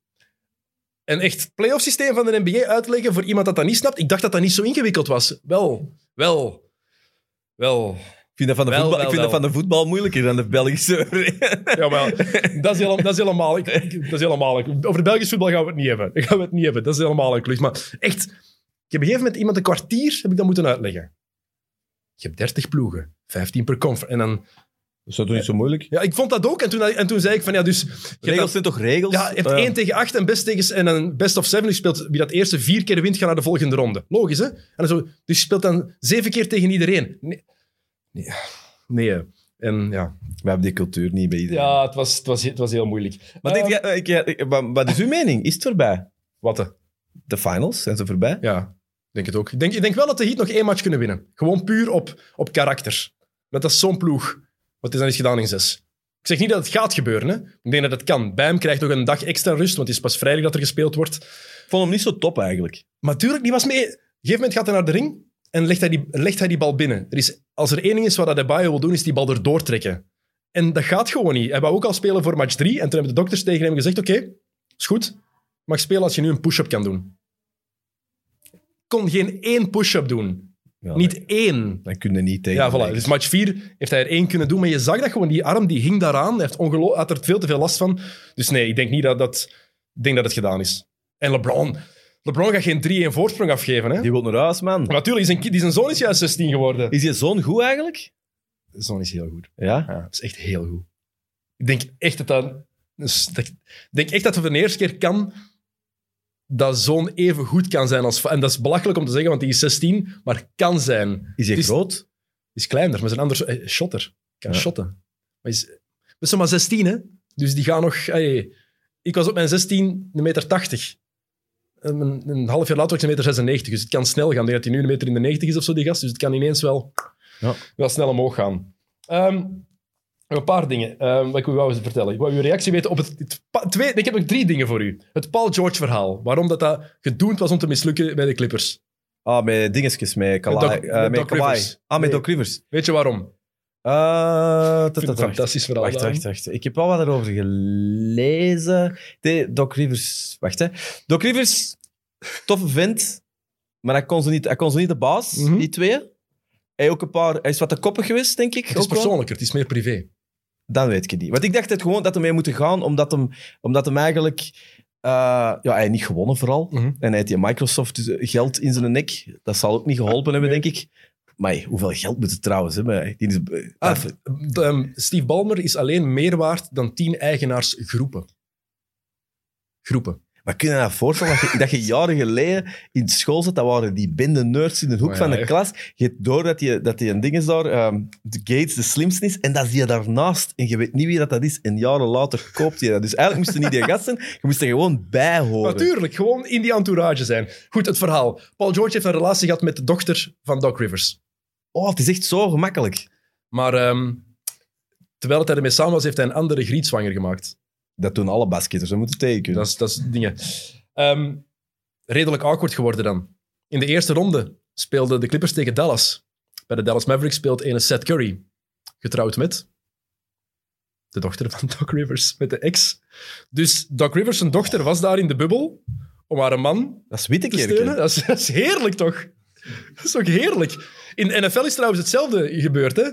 Golden Tate tegen ehm, Jalen Ramsey speelden dit weekend tegen elkaar. Jalen Ramsey, twee kinderen met de jongere zus van Golden Tate. Maar terwijl ze, ze zwanger was van de tweede kleine, is hem naar, heeft hem ze verlaten voor een stripster uit Vegas. Dat is ook nog wel een je, Geniaal! als je een rant-podcast doet, zo een segmentje glamour en glitter zo. Storytime. Storytime. Ja, dat, maar dat hebben die toch alle... Wat ik ook ongeluk- als je. Die hebben ook allemaal wel minstens een verkrachtingszaak aan hun been. Dat is... Hey, maar veel, hè? En dingen... Maar Derrick ja, Rose, Kobe. allemaal? Nu... hé, dat, dat is ook een van de favoriete stukken uit de, The Last Dance. eh, de Traveling Cocaine Circus. Dat vond ik ook fantastisch. Dat... Dat, dat hij dat even zo dropt in de seconde. En dat, je- en dat gewoon dat je weet dat al die, die vergeten bulls van het seizoen 88 allemaal op die tv met hun vrouw zaten van deze wordt een moment de gloire. en die gooit dat even en je ziet die vrouw, je hoort die waarschijnlijk hardop rekenen.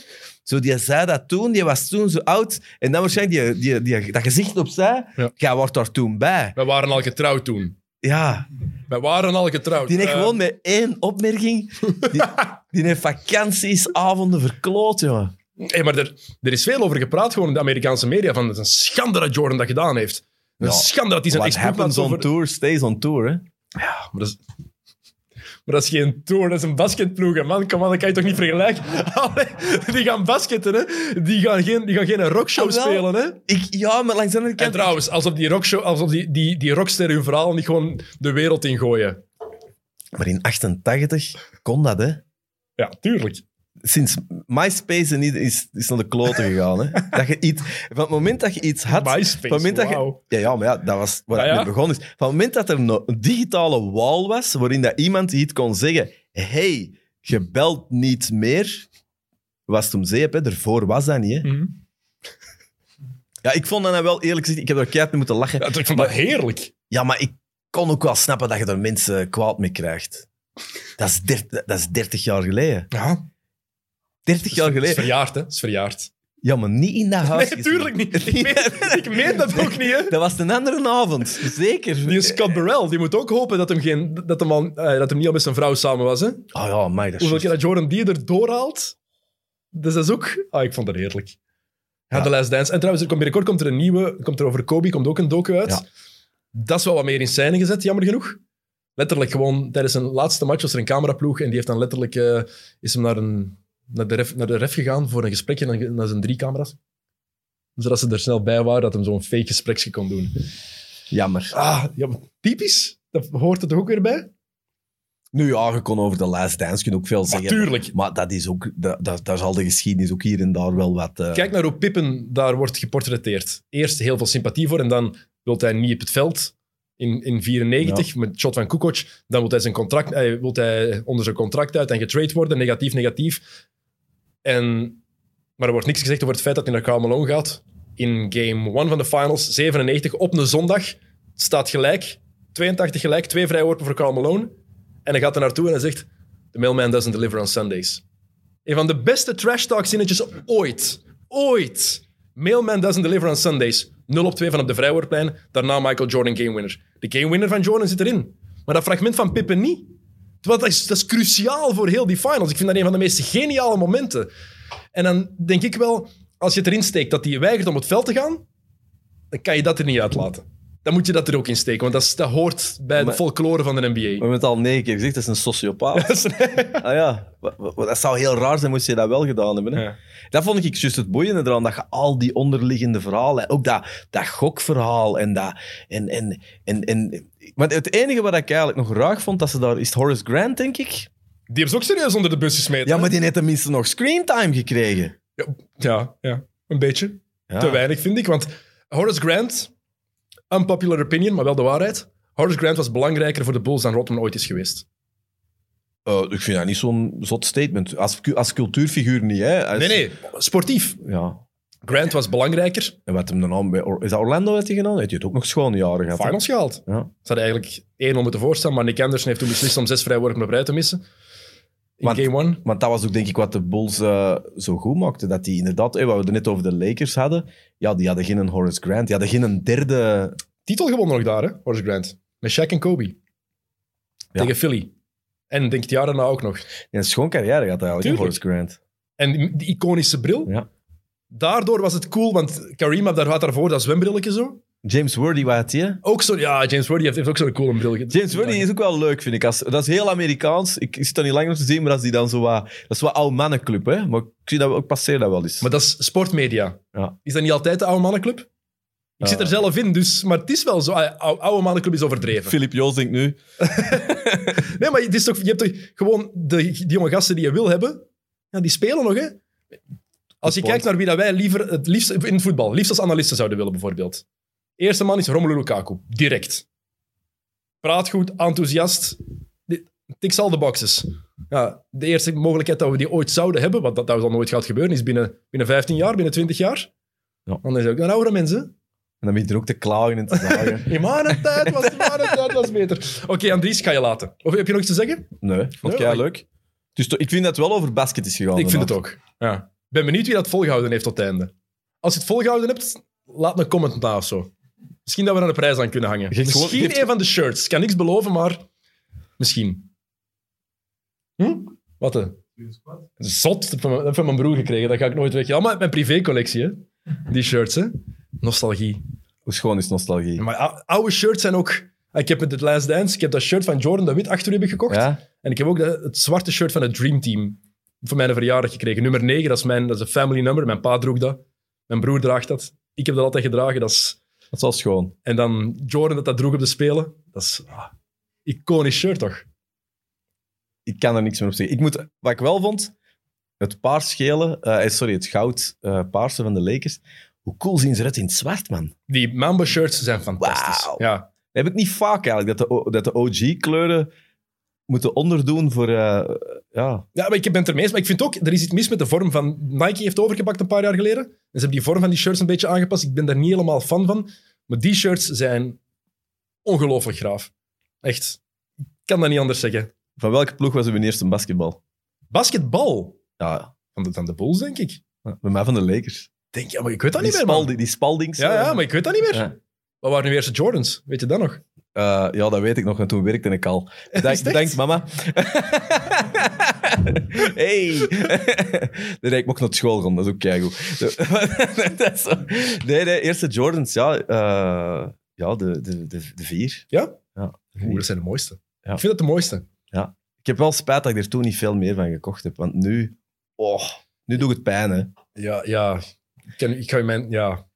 Doet het meer, sinds de Last Dance doet het zeker Maar ik heb, meer ik heb ook... Ah, ik heb onlangs nog gekocht trouwens, eh, Jordans. Maar helemaal niet zo'n zo'n zotte. Maar ik wou eigenlijk terug, dacht van, als ik, want eigenlijk had ik, want dit daar kun je eigenlijk niet mee spelen. Hè. Ay, dat is niet Ah, wel, ik heb daar jaren mee gespeeld. Ik vond dat... Ja. Ik heb nu van die nieuwe Jordans gekocht. Dat is zo een beetje een, eh, het zijn van die Zoom-dingen. zijn niet Ja, het ja. schoonste zo, maar eh dacht, ja, ik moet toch iets kopen. Maar ik heb een weddenschap met mijn broer afgesloten toen ik 18 werd. Ik heb toen gezegd, als je mij voor mijn elke verjaardag vanaf nu en elke kerst een paar Jordans geeft, dan ga, als ik 40 word, betaal ik u een reis naar New York voor een week. Ik En? ben 35. Hij is goed bezig nog. Nice. Vond ik Al trouwens... 17 jaar, hè? Elk jaar kerst en verjaardag paar Jordans. Ja, dat is een goede dertiende maand dat je dan wel erdoor eh, jast met Maar momenten. hij is een leerkracht middelbaar, dus. Gaar me. Trouwens, dat vond ik wel goed. Dat huis van, dat huis van Jordan dat in Chicago te koop stond. zo- niemand wil kopen. Niemand wil het kopen. Dat staat ook zo bij. Ja, ik kan het dan toch niet laten om dan zo de emo-site te doen. Alsof, hè. En dat staat ook zo bij. Als je dit huis koopt, ja, wat kost dat? Ik weet niet, de begroting van de provincie Limburg of zo. zo echt iets, zoiets kost dat. En dat zat er zo bij. Zo. En eh, voor de eh, aankoper extra een paar Jordans het, van elke reeks. hey, hallo. Ja, ja, maar wat is het dan? Nee, ik bedoel... Dat zijn 40 paar Jordans. Ja, en dan 51 miljoen dollar. Ja, maar- eh, dat is zo.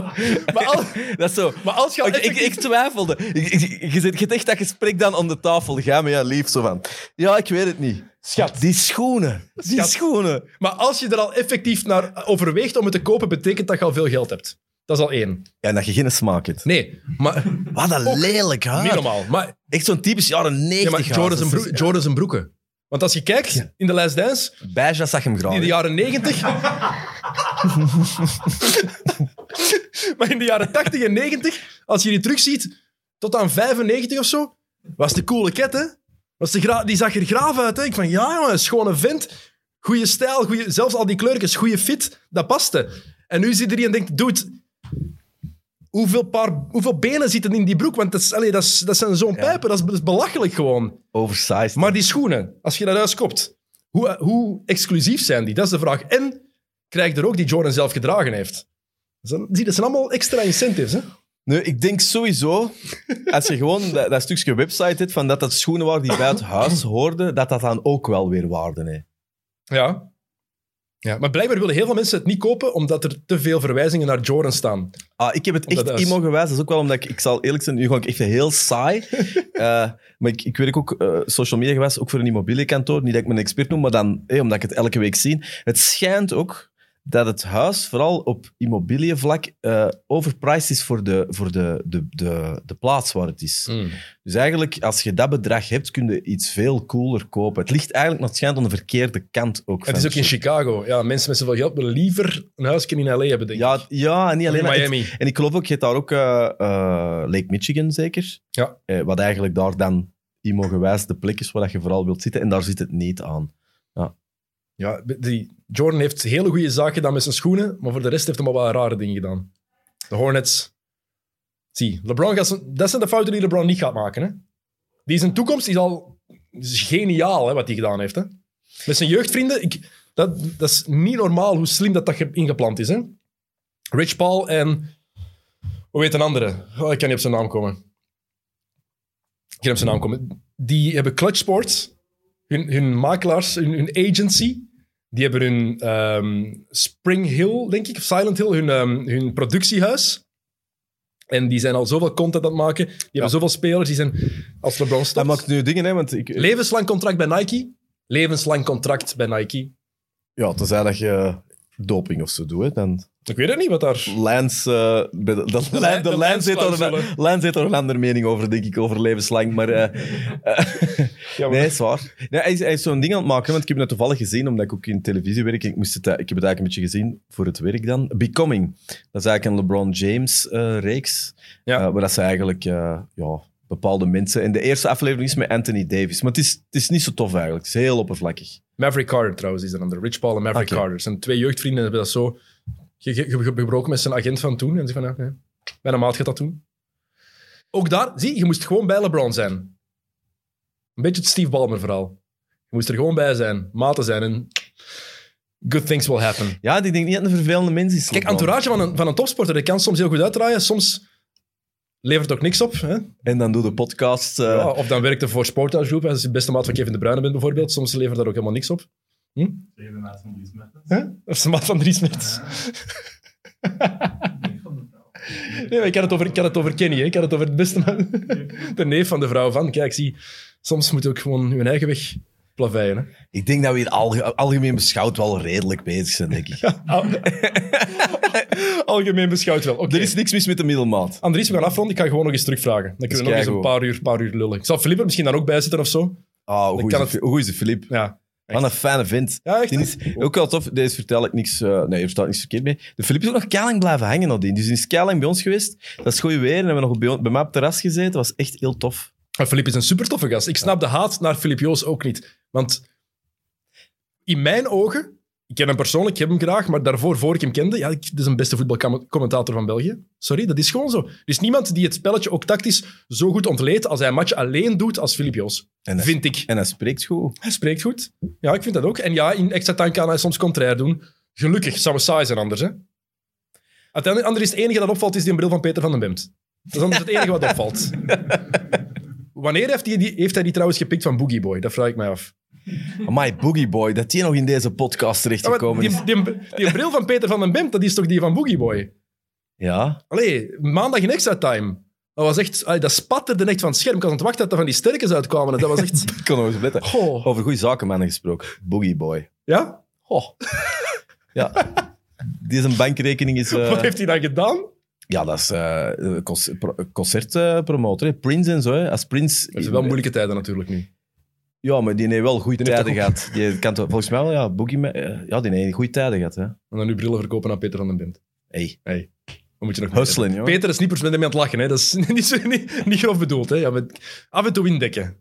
Paraplu boven. Of gewoon vanuit gewoon dat niemand luistert. Of ja, dat, is al dat dat is al lang het zijn. Oké, Andries, merci om naar hier te komen. Merci om tijd te maken. Graag gedaan, dat is tof. Ehm, een paar podcasts nog pushen van Friends of Sport. Eh, er is Vals Plat geweest met Stijn Vlaming. Die is maandag opgenomen, die kan je beluisteren. Eh Stijn Vlaming samen met eh, Jappe Toten en ik weet niet wie de... ho- Zo. En Matt Somers was de host, inderdaad, voor de eerste keer dat hij dat gedaan heeft. Ehm, en er was ook Mid-Mid met eh, Michael van Varenberg. Die is gisteren online gekomen. En morgen is er een Mid-Mid Kick and Rush met het vaste trio Jelle, Tim en Leroy. En Leroy, het is 4-0 voor James Rodriguez. James, Rod- jij volgt voetbal ook? Niet, Niet? genoeg. Oké, hij heeft gezegd dat James Rodriguez en Everton dat dat niet zou werken. Everton is ongeslagen en James is fantastisch aan het spelen. En hij vindt dat niet zo tof meer. Dus af en toe moeten we daar eens op blijven zeggen. Crossover steekjes. Voilà. Dus Leroy, 4-0. Voilà. Andries, merci. gedaan. Iedereen, volgende keer. Salut. Alles wat u moet weten over de NBA. Of toch volgens Dennis Sayed.